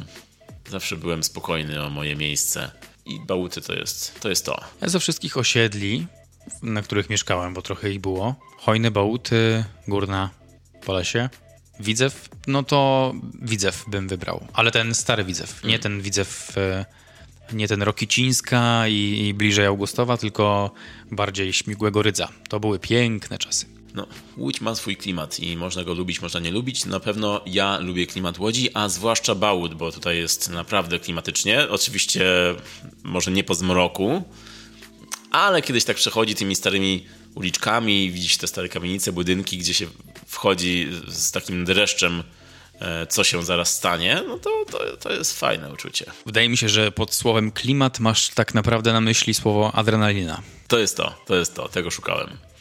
I znalazłem w Łodzi, na Bałutach. Dobra, Marek, było kilka pytań o ulubione filmy, także miejmy to z głowy. Twój ulubiony film? Jest y, dużo filmów, które lubię. Zależy bardzo od dnia i od sytuacji. Kiedyś to był American Beauty. Do tej pory bardzo mi się podoba ten film i wracam do niego. Truman Show jest też rewelacyjny. Mm, Matrix, wszystko wszędzie naraz. E, Walter Mitty. O! E, bardzo lubię też. To jest nietuzinkowy wybór. Bardzo lubię też jego historię. Mhm. Z Seanem Peanem. O, really? Dużo okay. jest tych filmów. Muszę okay. przyznać, że ciężko jest się ograniczyć do, do jakiegoś jednego ulubionego. -hmm. Tak, to prawda, zawsze ciężko się ograniczać do jednego. Tak jak z ciastkami. U mnie to od długiego, długiego czasu jest e, taki top, to jest Matrix i Mulholland Drive i ogólnie Lynch. Nolan też jest tam wysoko. Może ulubiony serial w takim razie, Marek? Też ciężko powiedzieć. Mindhunter jest dobry. najlepszy z najlepszych to chyba Breaking Bad. Jeszcze Prawo ulicy, e, The Wire. Bardzo dobre seriale.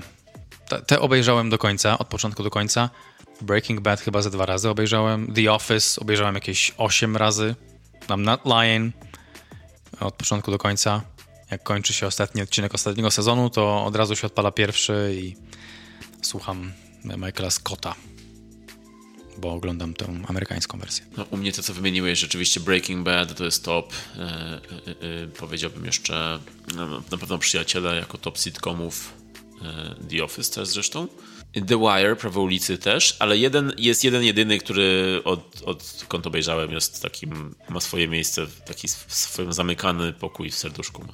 Ja mogę powiedzieć za ciebie. Twin Peaks, nie? Nie, ale Twin Peaks też jest O, tam w wow, top, to, też, to, jest, to jestem ciekaw. też jest w topce razem z Breaking Bad, The Wire, też jest Twin Peaks oczywiście, ale jeden, jedyny, który wywołuje zawsze we mnie najwięcej emocji i który kocham e, bardziej niż jednego człowieka.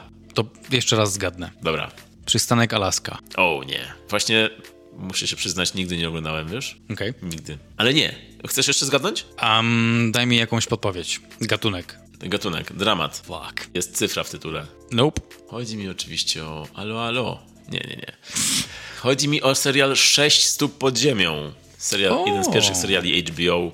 Serial, który jeszcze oglądałem w telewizji i po prostu to było, tak mi szczęka opadła dosłownie, tak. Tak. Jeszcze stary format, to był 4 na 3 chyba, taki Tak. wąski. Zgadza się. I leciało na TVN-ie, bo HBO oryginalnie ale wtedy nie miałem.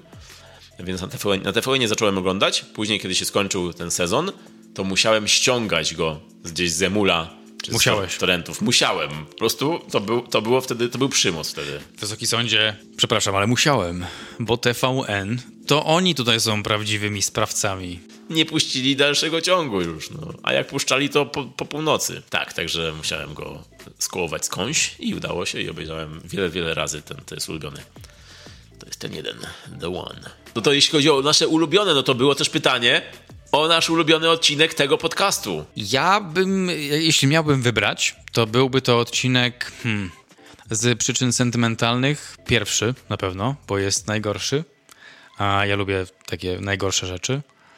Um, ale z takich lepszych rzeczy, no to bardzo dobrze się bawiłem przy Johnny Wicku. Wow, to jest wybór. Y, Jeden z topowych wyborów też naszych y, słuchaczy, bo odcinek o Johnny Wicku jest na drugim miejscu słuchalności wśród naszych odcinków. Na pierwszym jest, wiesz jaki? Indiana Jones chyba. Tak, Indiana Jones ma pierwsze miejsce, a John Wick drugie. Yy, I też muszę powiedzieć, że tak jak ty, nasze początki, kiedy do nich wracam, to jest to coś, materiał na najlepszy z najgorszych to jest. E, mm, ja też lubię te odcinki ogólnie o najgorszych filmach. E, Sasquatch z Przedmieścia, Puchatek, nawet 365 dni to jest taki odcinek, który lubię, bo jest tam bardzo zabawnie. E, I to mówię ja, ten, który ma te suche żarty. Możemy powiedzieć, że. N- No i oczywiście Niewidzialna Wojna to jest chyba taki ulubiony najgorszy film z najgorszym odcinkiem, który, który był tak dosyć kontrowersyjny, ale bardzo lubię. No i też lubię te odcinki, w których rozmawiamy o twórcach, którzy dużo dla mnie znaczą, czyli na przykład Shyamalan, na przykład ostatnio Scorsese i Fincher, na przykład Krzyk. E, Ale chyba najbardziej ze wszystkich odcinków lubię ten, w którym zeszliśmy najgłębiej, czyli a właściwie najwyżej, bo tam były penisy na poddaszu, czyli Bo się boi. To był taki, taka wielka piguła, w której dużo się działo w tym odcinku i dużo się o sobie dowiedzieliśmy. Dobra, Marek, e, w jaką grę ostatnio grałeś? Pytanie z Łodzi. W jaką grę ostatnio grałem? E, musisz zgadnąć. Dobra, zgaduję. Grałeś ostatnio w The Last of Us. Tak. Naprawdę? Tak. Wow, to miał być żart. Wiem, wiem, mam so obvious. Już nie ma po prostu... Jestem nudny. Wiem. Ostatnio sobie odpaliłem The Last of Us. Jak byliśmy na festiwalu kamer i masz, pamiętasz jak mówiłem ci, że mam ochotę wrócić do domu, grać cały dzień w The Last of Us? No to grałem dwie godziny. Aha. To wiesz co, nie pamiętam tego, bo średnio mówisz tak raz na godzinę, więc już przestałem, wyłączam się wtedy. Ja to całkowicie rozumiem. Tak, The Last of Us. Ostatnio grałem w The Last of Us, przed tym Red Dead Redemption 2, bo ta gra się nigdy nie starzeje. W Cyberpunka, e, w nowy dodatek Widmo Wolności z Idrisem Elbą. Także ciekawe, ciekawe rzeczy. Ale, ale chyba mnie korci, i teraz stracę kolejnych słuchaczy, chyba mnie korci, żeby kupić PlayStation 5 i zremasterowaną wersję The Last of Us. To jest, to jest straszne, wiem, to jest już choroba. E, natomiast no, wciąż nadal nie mogę wyjść z podziwu Nila Druckmana i tego, co on osiągnął i to jest dla mnie ogromny, e, ogromne, o, ogromny sukces i jeśli będę miał kiedyś okazję z nim rozmawiać, e, chciałbym, żeby taka okazja się nadarzyła, to myślę, że nie wyjdzie z tego pudła, do którego go schowam i zwiążę go.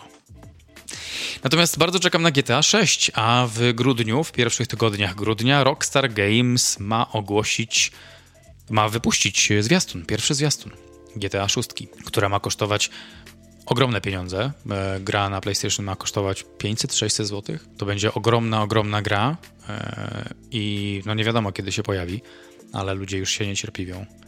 I, e, i, i ja, ja, ja się cierpliwie, ale czekam, czekam, czekam. Chciałbym zagrać w to. To jak e, mówisz o tym, na jaką grę czekasz, no to mieliśmy też pytanie, na jaki film e, najbardziej teraz czekamy. To może akurat jest dobry moment, żeby przejść do tego pytania. Na jaki film teraz czekasz najbardziej? A ty, Michał, w jaką grę grałeś ostatnio? O, ja ostatnio grałem w... Chcesz, żebym powiedział pewnie w Pasjansa albo w Sapera. Chcę, żebyś powiedział prawdę. Dobrze, powiem prawdę. Ostatnio grałem w L.A. Noir. I to było, wow, nie wiem kiedy, dawno. Fajna gra. Tak, no ze 3 lata temu to było. To było L.A. Noir i Mafia. To były ostatnie gry, które grałem. I to są moje ulubione Wow. też. 2013 rok, L.A. Noir, a Mafia która? Którą Mafię grałem? Mhm. Która część? Ta, pierwszą.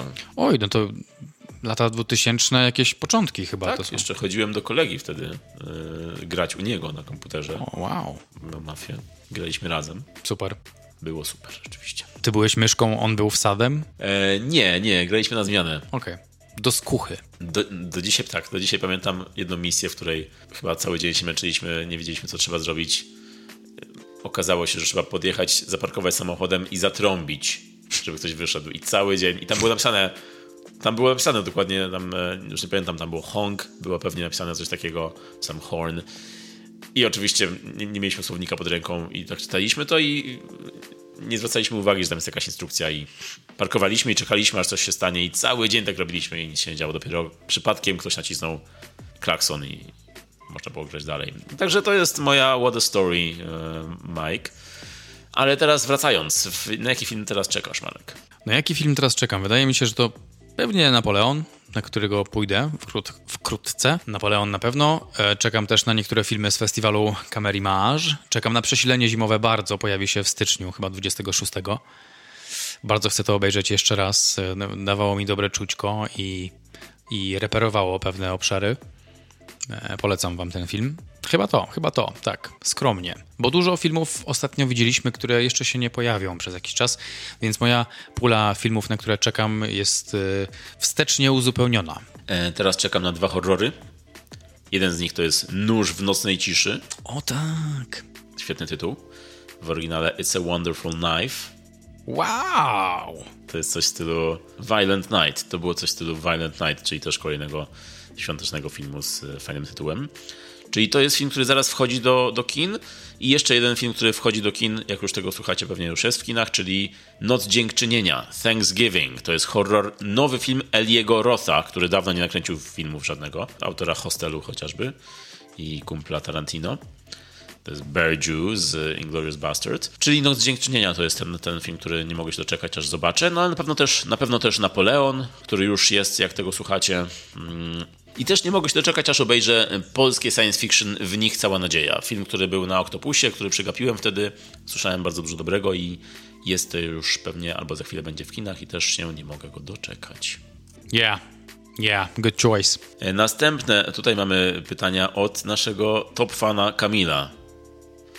E, Nasz, nasz fan Kamil zadał nam takie pytania, że ja zamykam drzwi na wszystkie zamki od tej pory. Się boję o swoje bezpieczeństwo, rozumiesz? Tak, tak, doskonale to rozumiem. Też czytałem te pytania i mój rozmiar buta to moja sprawa. Tak jest, tak jest, czyli to jest e, Psycho! Bardzo dziękujemy Kamilowi za te dużo bardzo dogłębnych pytań.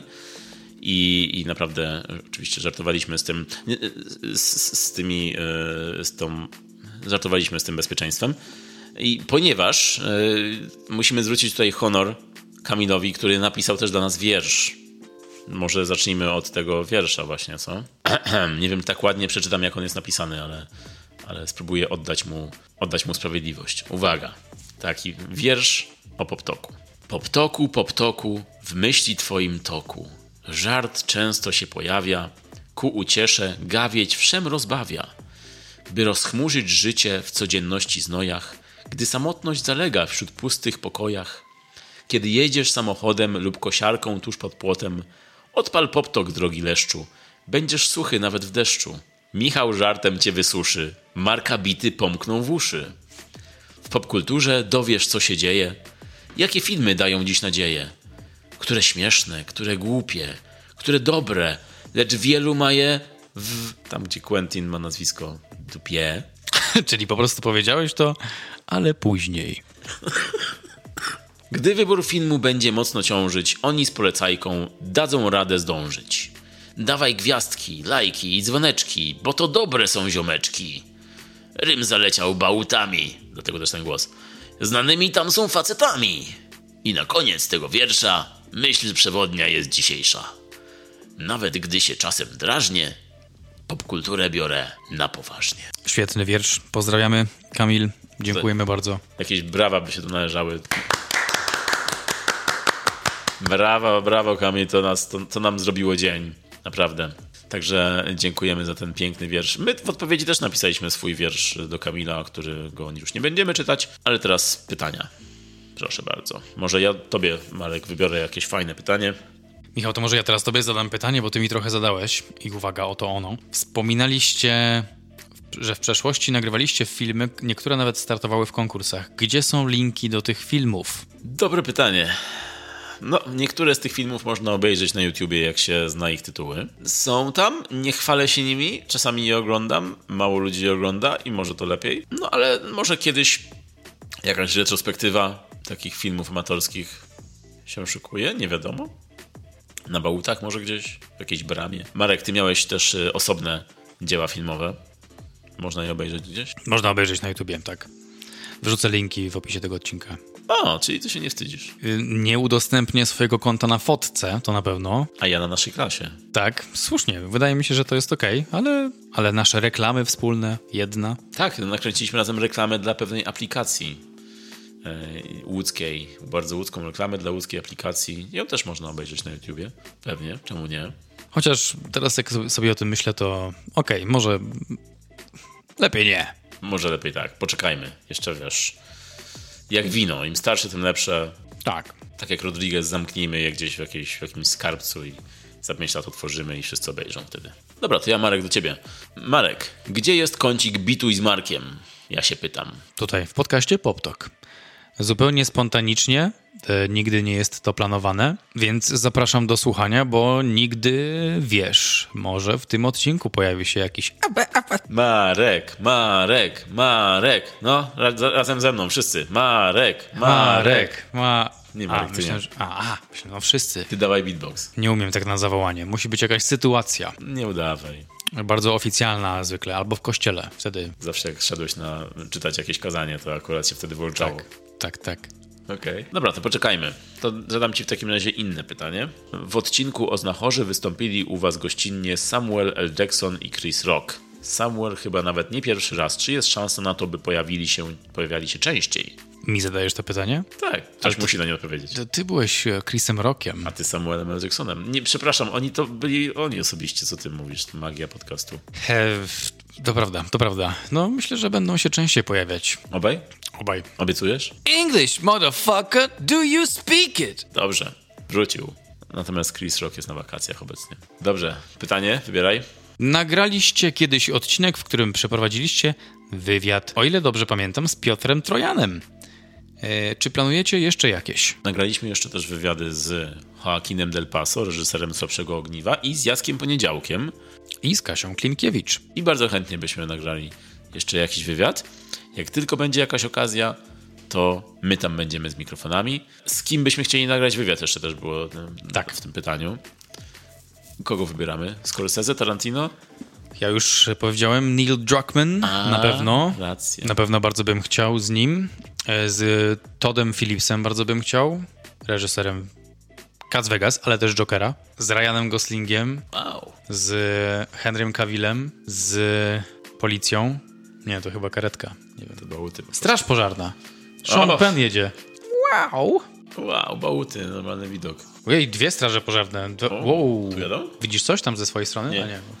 A że tu jadą? Tu przyjechali? Tak, tak. Tu przyjechali? No. Jak my nagrywamy? Czy tutaj się ulatnia gaz i jesteśmy martwi i sąsiedzi zadzwonili, bo śmierdziało zwłokami? Znaleźli nas już. Czyli masz, masz całą listę przygotowaną już. Nie, to jest moja spontaniczna lista. Spontaniczna jak ten beat.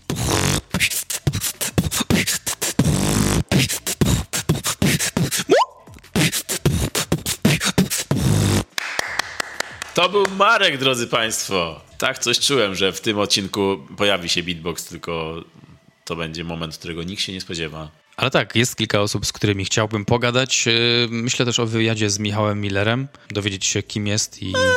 No to by był taki nudniejszy, ale, ale musiałbym jakoś trenować. To będzie trudne, bo raczej rzadko się, rzadko jest okazja, żeby go spotkać. Dlatego będzie bardzo atrakcyjny ten wywiad. A ty, Michał? No, oczywiście oprócz Marka Szczepańskiego, z którym bym chętnie przeprowadził wywiad, no to myślę, że jest wielu reżyserów. Ja to głównie chyba z reżyserami, scenarzystami, ale aktorami też. Na pewno, na pewno Lynch, chociaż to byłby mm, pewnie trudny wywiad. Mało słów by- padło. E, na pewno Tarantino, to byłby taki nerdowski wywiad. To bardzo chętnie. Scorsese to samo. Nolan. Nolan też jest jednym z tych. e, To jest taka lista marzeń, które kiedyś się spełnią, natomiast e, z czegoś, z kogoś, z kogoś i czegoś bliższego. Tommy Wiseau na pewno, jeśli mówimy o Polakach. Hmm? Tommy Wiseau? Dobry wybór. Lazar Rockwood? Może? O, też. I jeszcze, jeśli chodzi o polskich twórców, Bartosz M. Kowalski, O, reżyser super. horrorów polskich, też jest na liście. Dobra, to co? Dalej.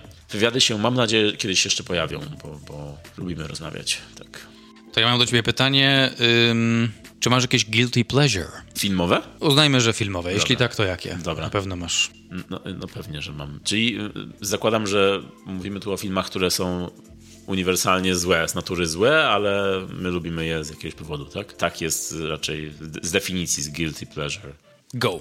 No to jest dużo takich złych filmów, które my lubimy oglądać i które, o których rozmawiamy tutaj często. Mm, Natomiast myślę o takim, które zawsze mi e, towarzyszy, towarzyszyło. Na pewno filmy z Van Damme. Te późniejsze filmy z Van Damme, takie jak Podwójne uderzenie, gdzie grał bliźniaków. Strażnik Teksasu liczy się. To jest taki guilty, guilty pleasure, które, mm, które łączy się często z cringe'em, ale też jest dużo śmiechu. Mam. Mam film, który jest moim guilty pleasure, który jest uznawany za zły, a ja go lubię oglądać, lubię do niego wracać. To jest bardzo dziki zachód. Wild Wild West.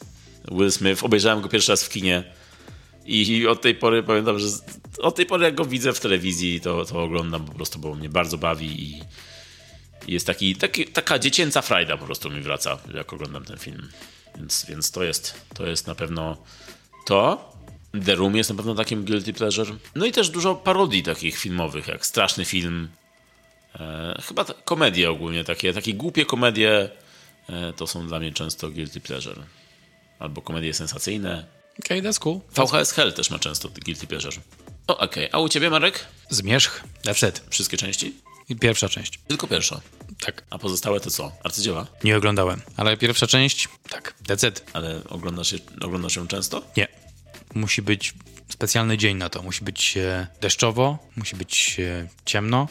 Czyli perfect season. Włączamy. Włączaj. I ogólnie też często złe horrory lubię oglądać jako guilty pleasure. No i y, miałem też powiedzieć, że jednym z guilty pleasure jest dla mnie Mortal Kombat, filmowa adaptacja, a mamy tutaj pytanie o ulubione filmowe adaptacje gier. Także Marek, twoja ulubiona filmowa adaptacja gry. Chyba nie mam czegoś takiego. Chyba nie mam filmu na podstawie gry, który mi się spodobał. Jakie są filmy na podstawie gry? Bo myślę Max Payne to nie za bardzo wyszło. Gra była o wiele lepsza. Myślę The Last of Us, ale to jest serial. E, Może być też serial, jeśli, jeśli chcesz. Okej, no to The Last of Us jak najbardziej. E, Bardzo udana jest to adaptacja. Bardzo udana. Mimo, mimo głosów hejtu i tego, że tak nie było w grze!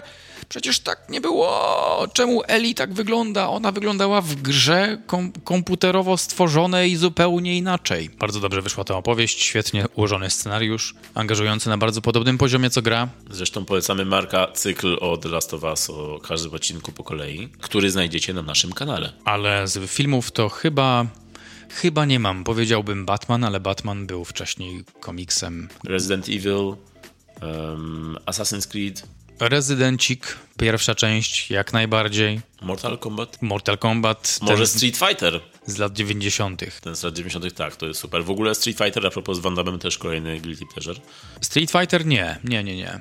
Tomb Raider. Fajny był ten film, podobał mi się. Z Larą Croft, w sensie z Angeliną Jolie. Tak, podobało mi się, zrobił na mnie wrażenie. Pamiętam, że YouTube wtedy em, miało swój utwór w tym Elevation. Dokładnie tak. I, I pamiętam ją na tych e, linach czy szarfach jakichś po salonie latającą. E, spoko, tak, no, podobało mi się to. To dlatego masz te liny i szarfy w, szalonie, w salonie. Mam je w szalonie. W szalonie. Jesteś szalony, że masz je w szalonie. Uwaga, Marek, ulubiona książka. Ulubiona książka to jest świetne pytanie i nie mam ich wiele. To trzeba zaznaczyć. Troszkę książek w życiu przeczytałem, ale e, to jest i tak bardzo słaby wynik, jak się miałbym porównać do statystycznego mojego znajomego. Em, y, moja ulubiona książka to jest właściwie trylogia em, Henry'ego Millera, takiego pisarza, bitnika z, ze Stanów z lat 60. chyba. E, napisał trylogię, autobiografię właściwie w trylogii. I em, jeśli dobrze pamiętam kolejność, to idzie ona tak. Jest najpierw Sexus, Nexus, Plexus, albo nie. Teraz z pamięci nie, nie potrafię tak tego przywołać. Natomiast jest to jego autobiografia. On pisze, co mu się dzieje w życiu i pisze o swoich przemyśleniach, o swoich przygodach, o swoich romansach. I książkę wypełniają te rzeczy, ale pojawiają się też raz na jakiś czas takie jego ciągi monologowe, w których przedstawia swój pogląd na świat. I to są rzeczy, od których nie da się oderwać wzroku, bo są bardzo trafne, albo tak wybiegają poza codzienne myślenie, e, tak, tak głęboko e, wchodzą w, mm, w, w refleksyjność, że nie da się po prostu zaprzeczyć temu, co on przedstawia, temu jak, jak on to przedstawia, więc e, tę trylogię przeczytałem chyba dwa razy i ostatnio mnie wzięło na to, żeby jeszcze raz przeczytać, no bo jego pisanie, jego pisanie było dla mnie zawsze takie terapeutyczne. On tam porusza dużo tematów tabu, zwłaszcza w tamtych latach, kiedy o tym pisał. I te tematy, ja tam po prostu jakieś odpowiedzi dla siebie znajdowałem, i w okresie, kiedy to czytałem, to było bardzo przydatne. Myślę, że mogę to śmiało polecić. Ja niestety czytam dużo mniej niż bym chciał, ale na pewno ulubioną książką, jaką czytałem, jest e, książka autorstwa Bretta Eastona Ellisa, American Psycho. E, To jest to, co na mnie największe wrażenie zrobiło. Kiedyś to też był jeszcze Stephen King, dużo Kinga czytałem, zwłaszcza Gra Geralda. Pamiętam, że zawsze lubiłem ją. E, No i co? Palaniuk. Tak, to jest, to będzie pewnie to. Top 3. Dobra, mamy tutaj kilka pytań o Jackiego Chena, który jest ewidentnie ważną postacią w życiu podmiotu lirycznego. Czy zostawiliśmy sobie rozmowę o Jackim Chenie na setny odcinek? Nie. Ale kiedy. Czy porozmawiamy o Jackim Chenie i jaki jest nasz stosunek y, do Jackiego Chena i do kina kopanego? Marek, elaboruj. Tak, Jackie Chan się tutaj e, przewijał bardzo często. To bardzo fajnie, że się pojawiał. U mnie Jackie Chan to, to są najbardziej godziny szczytu z Chrisem Tuckerem. Bardzo lubiłem ich chemię na ekranie. Tej kariery ze Starego Kraju e, Jackiego Chana z Hongkongu nie, nie śledziłem, dopiero jak się pojawił u nas. No i najmocniejszym akcentem dla mnie były właśnie godziny szczytu. Tam go lubiłem, te wszystkie stanty kaskaderskie, jak, jak robił i to w jaki sposób gadał z Chrisem Tuckerem. Uważam, że pokazał tam klasę. Fajnie się go oglądało i to są filmy też, no mogą też to, może też to być w, tych, e, w tej kategorii akcyjniaków, do których, do których e, czasem wracam. No ja uwielbiam Ja- Jackiego Chena od dawna. E, t- tak koniec lat 90., kiedy zaczęły się pojawiać te amerykańskie filmy z Jackiem Chanem, to był ten czas, kiedy zwróciłem na niego uwagę, kiedy w wypożyczalni się pojawiały te filmy, takie jak Pierwsze uderzenie Jackiego Chana, był Przyjemniaczek, Zgadnij kim jestem. Było kilka takich filmów, e, no i przede wszystkim Godziny Szczytu i Cowboy z Szanghaju to były te, które zwróciły moją uwagę, które zawsze mogłem oglądać w kółko, jak leciały w telewizji. E, to były te początki, czyli ten mainstreamowy Jackie Chan, Godziny Szczytu, Cowboy z Szanghaju, każda część. Później, kiedy zacząłem więcej kopać, pan intended, e, w filmografii Jackiego Chana, no to na pewno mój ulubiony to jest Policyjna Opowieść. E, to jest zresztą trylogia, którą mam u siebie na półce w 4K i jest super. Wszystkie trzy części. No ale też Legenda Pianego Mistrza, tytuł, który mnie zawsze intrygował i który musiałem obejrzeć e, w związku z tym tytułem Piany Smok. To był chyba, czy Legenda, nie, Legenda Pianego Mistrza chyba to było u nas. E, Piany Smok to był osobny film. Zresztą ostatnio jak byliśmy w Toruniu, to znalazłem w, w, w sklepie z w Ceksie znalazłem chiński Zodiak, jeden z tych nowszych filmów Jackiego Chana, więc od razu musiałem go kupić, nie oglądałem go jeszcze. E, I też kilka filmów z Jackiem Chanem mam na półce i bardzo, bardzo je cenię. Projekt A jest jednym z takich filmów, które bardzo lubię. I jeszcze Draka w Bronxie też, też lubię. Także Jackie Chan e, też jest w moim sercu. Mm, jego stanty to jest, zawsze, to jest coś, do czego mam ogromny szacunek i Dobra, Marek. Mhm. Mhm. Ulubiony odcinek The Office. Nie ma takiego. Nie ma takiego, ponieważ nie śledzę tych odcinków. Jako całość jest super. Nie mam jakiegoś jednego odcinka, nie mogę tak nazwać z pamięci, że w sezonie takim i odcinek taki to było najsuperowsze. Podobają mi się odcinki, w których widzimy Michaela jako tego, który nie jest, on nie jest głupolem. On wie, co robi, tylko nie za bardzo potrafi się odnaleźć w tym wszystkim. On wie, czego chce, tylko nie za bardzo to dostaje. Natomiast y, na koniec dnia jest zawsze, jest bardzo spoko gościem. Przypomniał mi się teraz ten odcinek, jak ze Stanleyem miał konfrontację. To był taki odcinek, w którym właśnie dowiedzieliśmy się, hej, Michael to nie jest ziomeczek, który robi sobie jaja i jest niepoważny. I powiedział Stanleyowi, że nie może tak do niego mówić, że jest jego szefem. Jak są w, w biurze, no to nie może się tak do niego odzywać.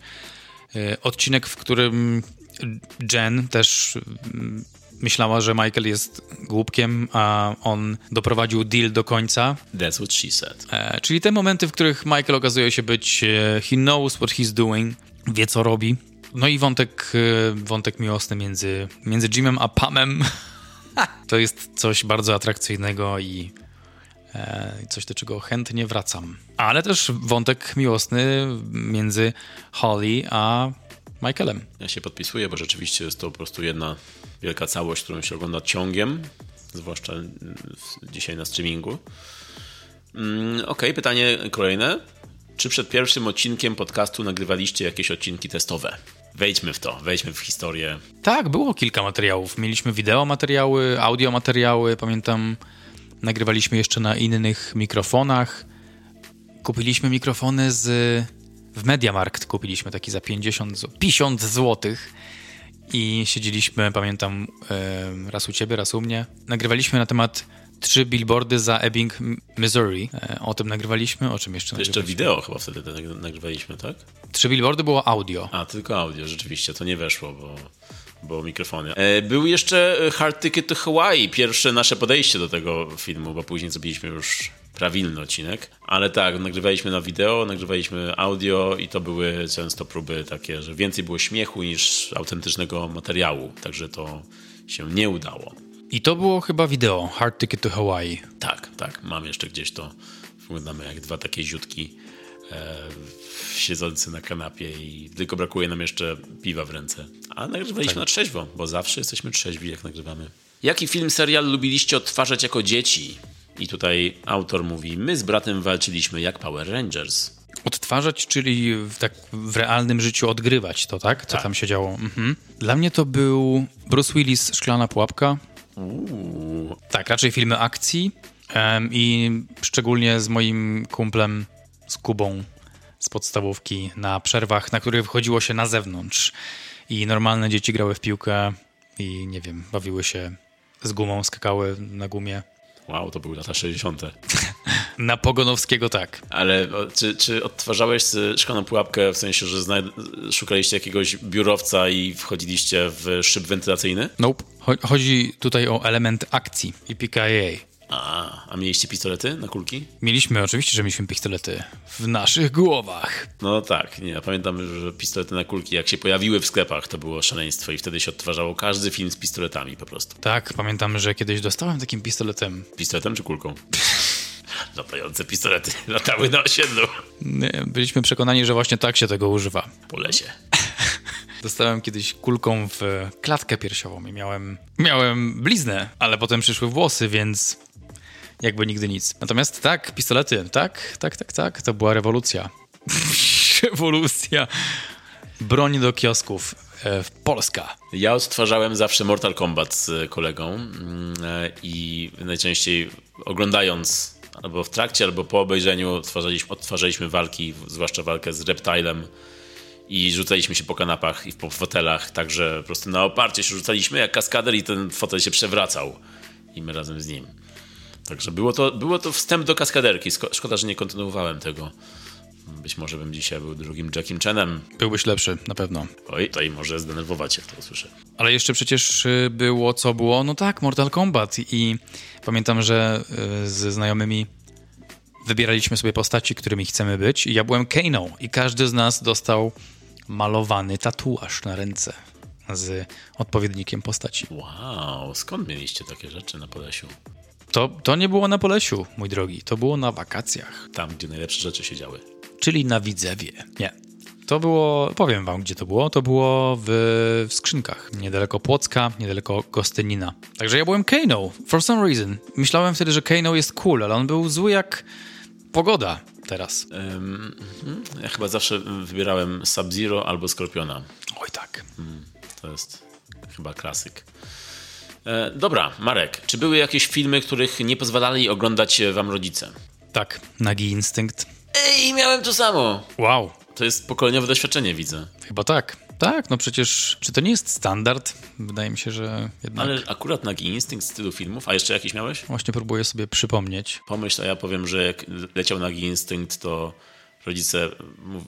Miałem zakaz wstępu do pokoju, z tym, że było ciemno, bo rodzice oglądali oczywiście, siedzieli w fotelach, oglądali. Byli nago? Mieli instynkt na pewno. E, Chociaż nie, nie mieli instynktu, bo ja się wtedy wkradałem do pokoju. Ja się wtedy wkradałem do pokoju i chowałem się za fotelem, jednym lub drugim, i oglądałem za fotela. Jak Hitchcock. Wojeryzm.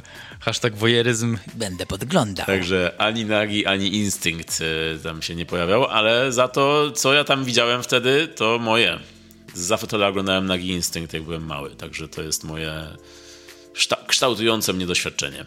Jeszcze jakiś film miałeś? Jeszcze jakiś film, którego ci zakazywali? Nie pamiętam teraz konkretnie. Ogólnie sceny seksu, sceny zbliżeń, sceny straszne to były filmy, na których była taka cenzura. Nie wiedziałem, co się działo. Tak, tak nagle było ciemno przed oczami i słyszałem takie słowa nie patrz. Wydaje mi się dzisiaj, że to była ręka mamy. Czyli dlatego dzisiaj, jak oglądasz horror w kinie, to ta twoja ręka odtwarza... Zawsze jest ręka, prawda? Tak. Mhm. A nie być, wiem skąd ona się bierze. to być może to była twoja ręka zawsze.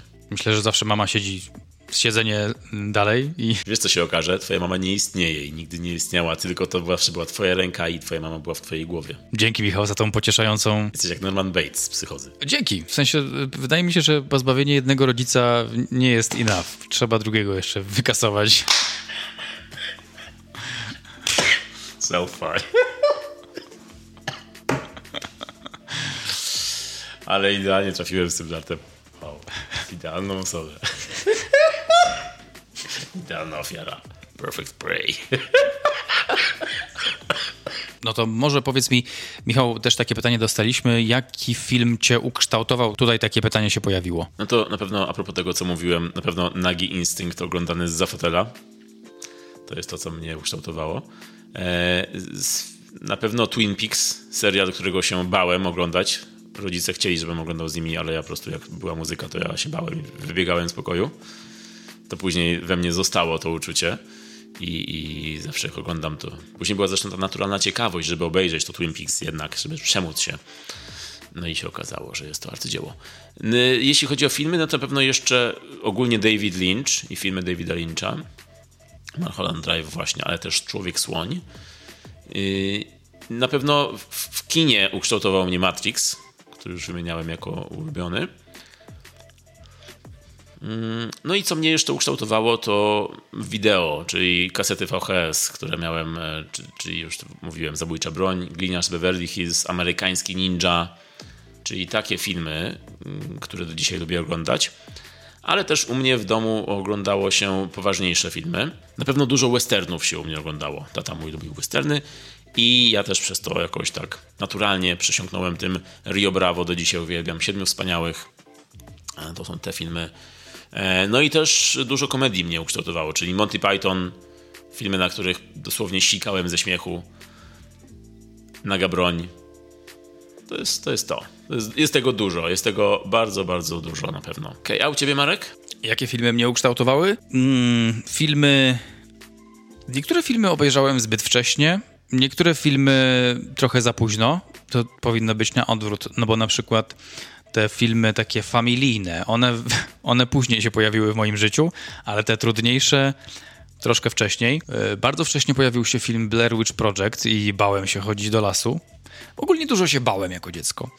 I te, takie filmy się pojawiały, nieodwracalne. Zobaczyłem o wiele za wcześnie, O tak. bo miałem 13 lat chyba. O nie, ja byłem starszy, ale też mnie ukształtowało odwracalnie. Nieodwracalne. Odwracalnie, nieodwracalnie. No, no właśnie, nieodwracalnie to już y, taki stempel dało emocjonalny. Niebezpieczny umysł z samym Rockwellem też mnie ukształtował ten film. Matrix oczywiście, Disney siłą rzeczy, It's Everywhere, American Beauty, ym, Też ważny, bardzo ważny, bardzo ważny film też w moim życiu. Skazanie na Shawshank też. To są, wszystkie, to są wszystko filmy, które zostawiły coś po sobie. I takim filmem jest właśnie Przesilenie Zimowe też, które pojawi się w styczniu, które widziałem na, na Kamery Mitch. E, Ale oczywiście mówimy teraz o przeszłości. Ja tylko mówię, że to jest też film w tej samej kategorii, takiej kształtującej.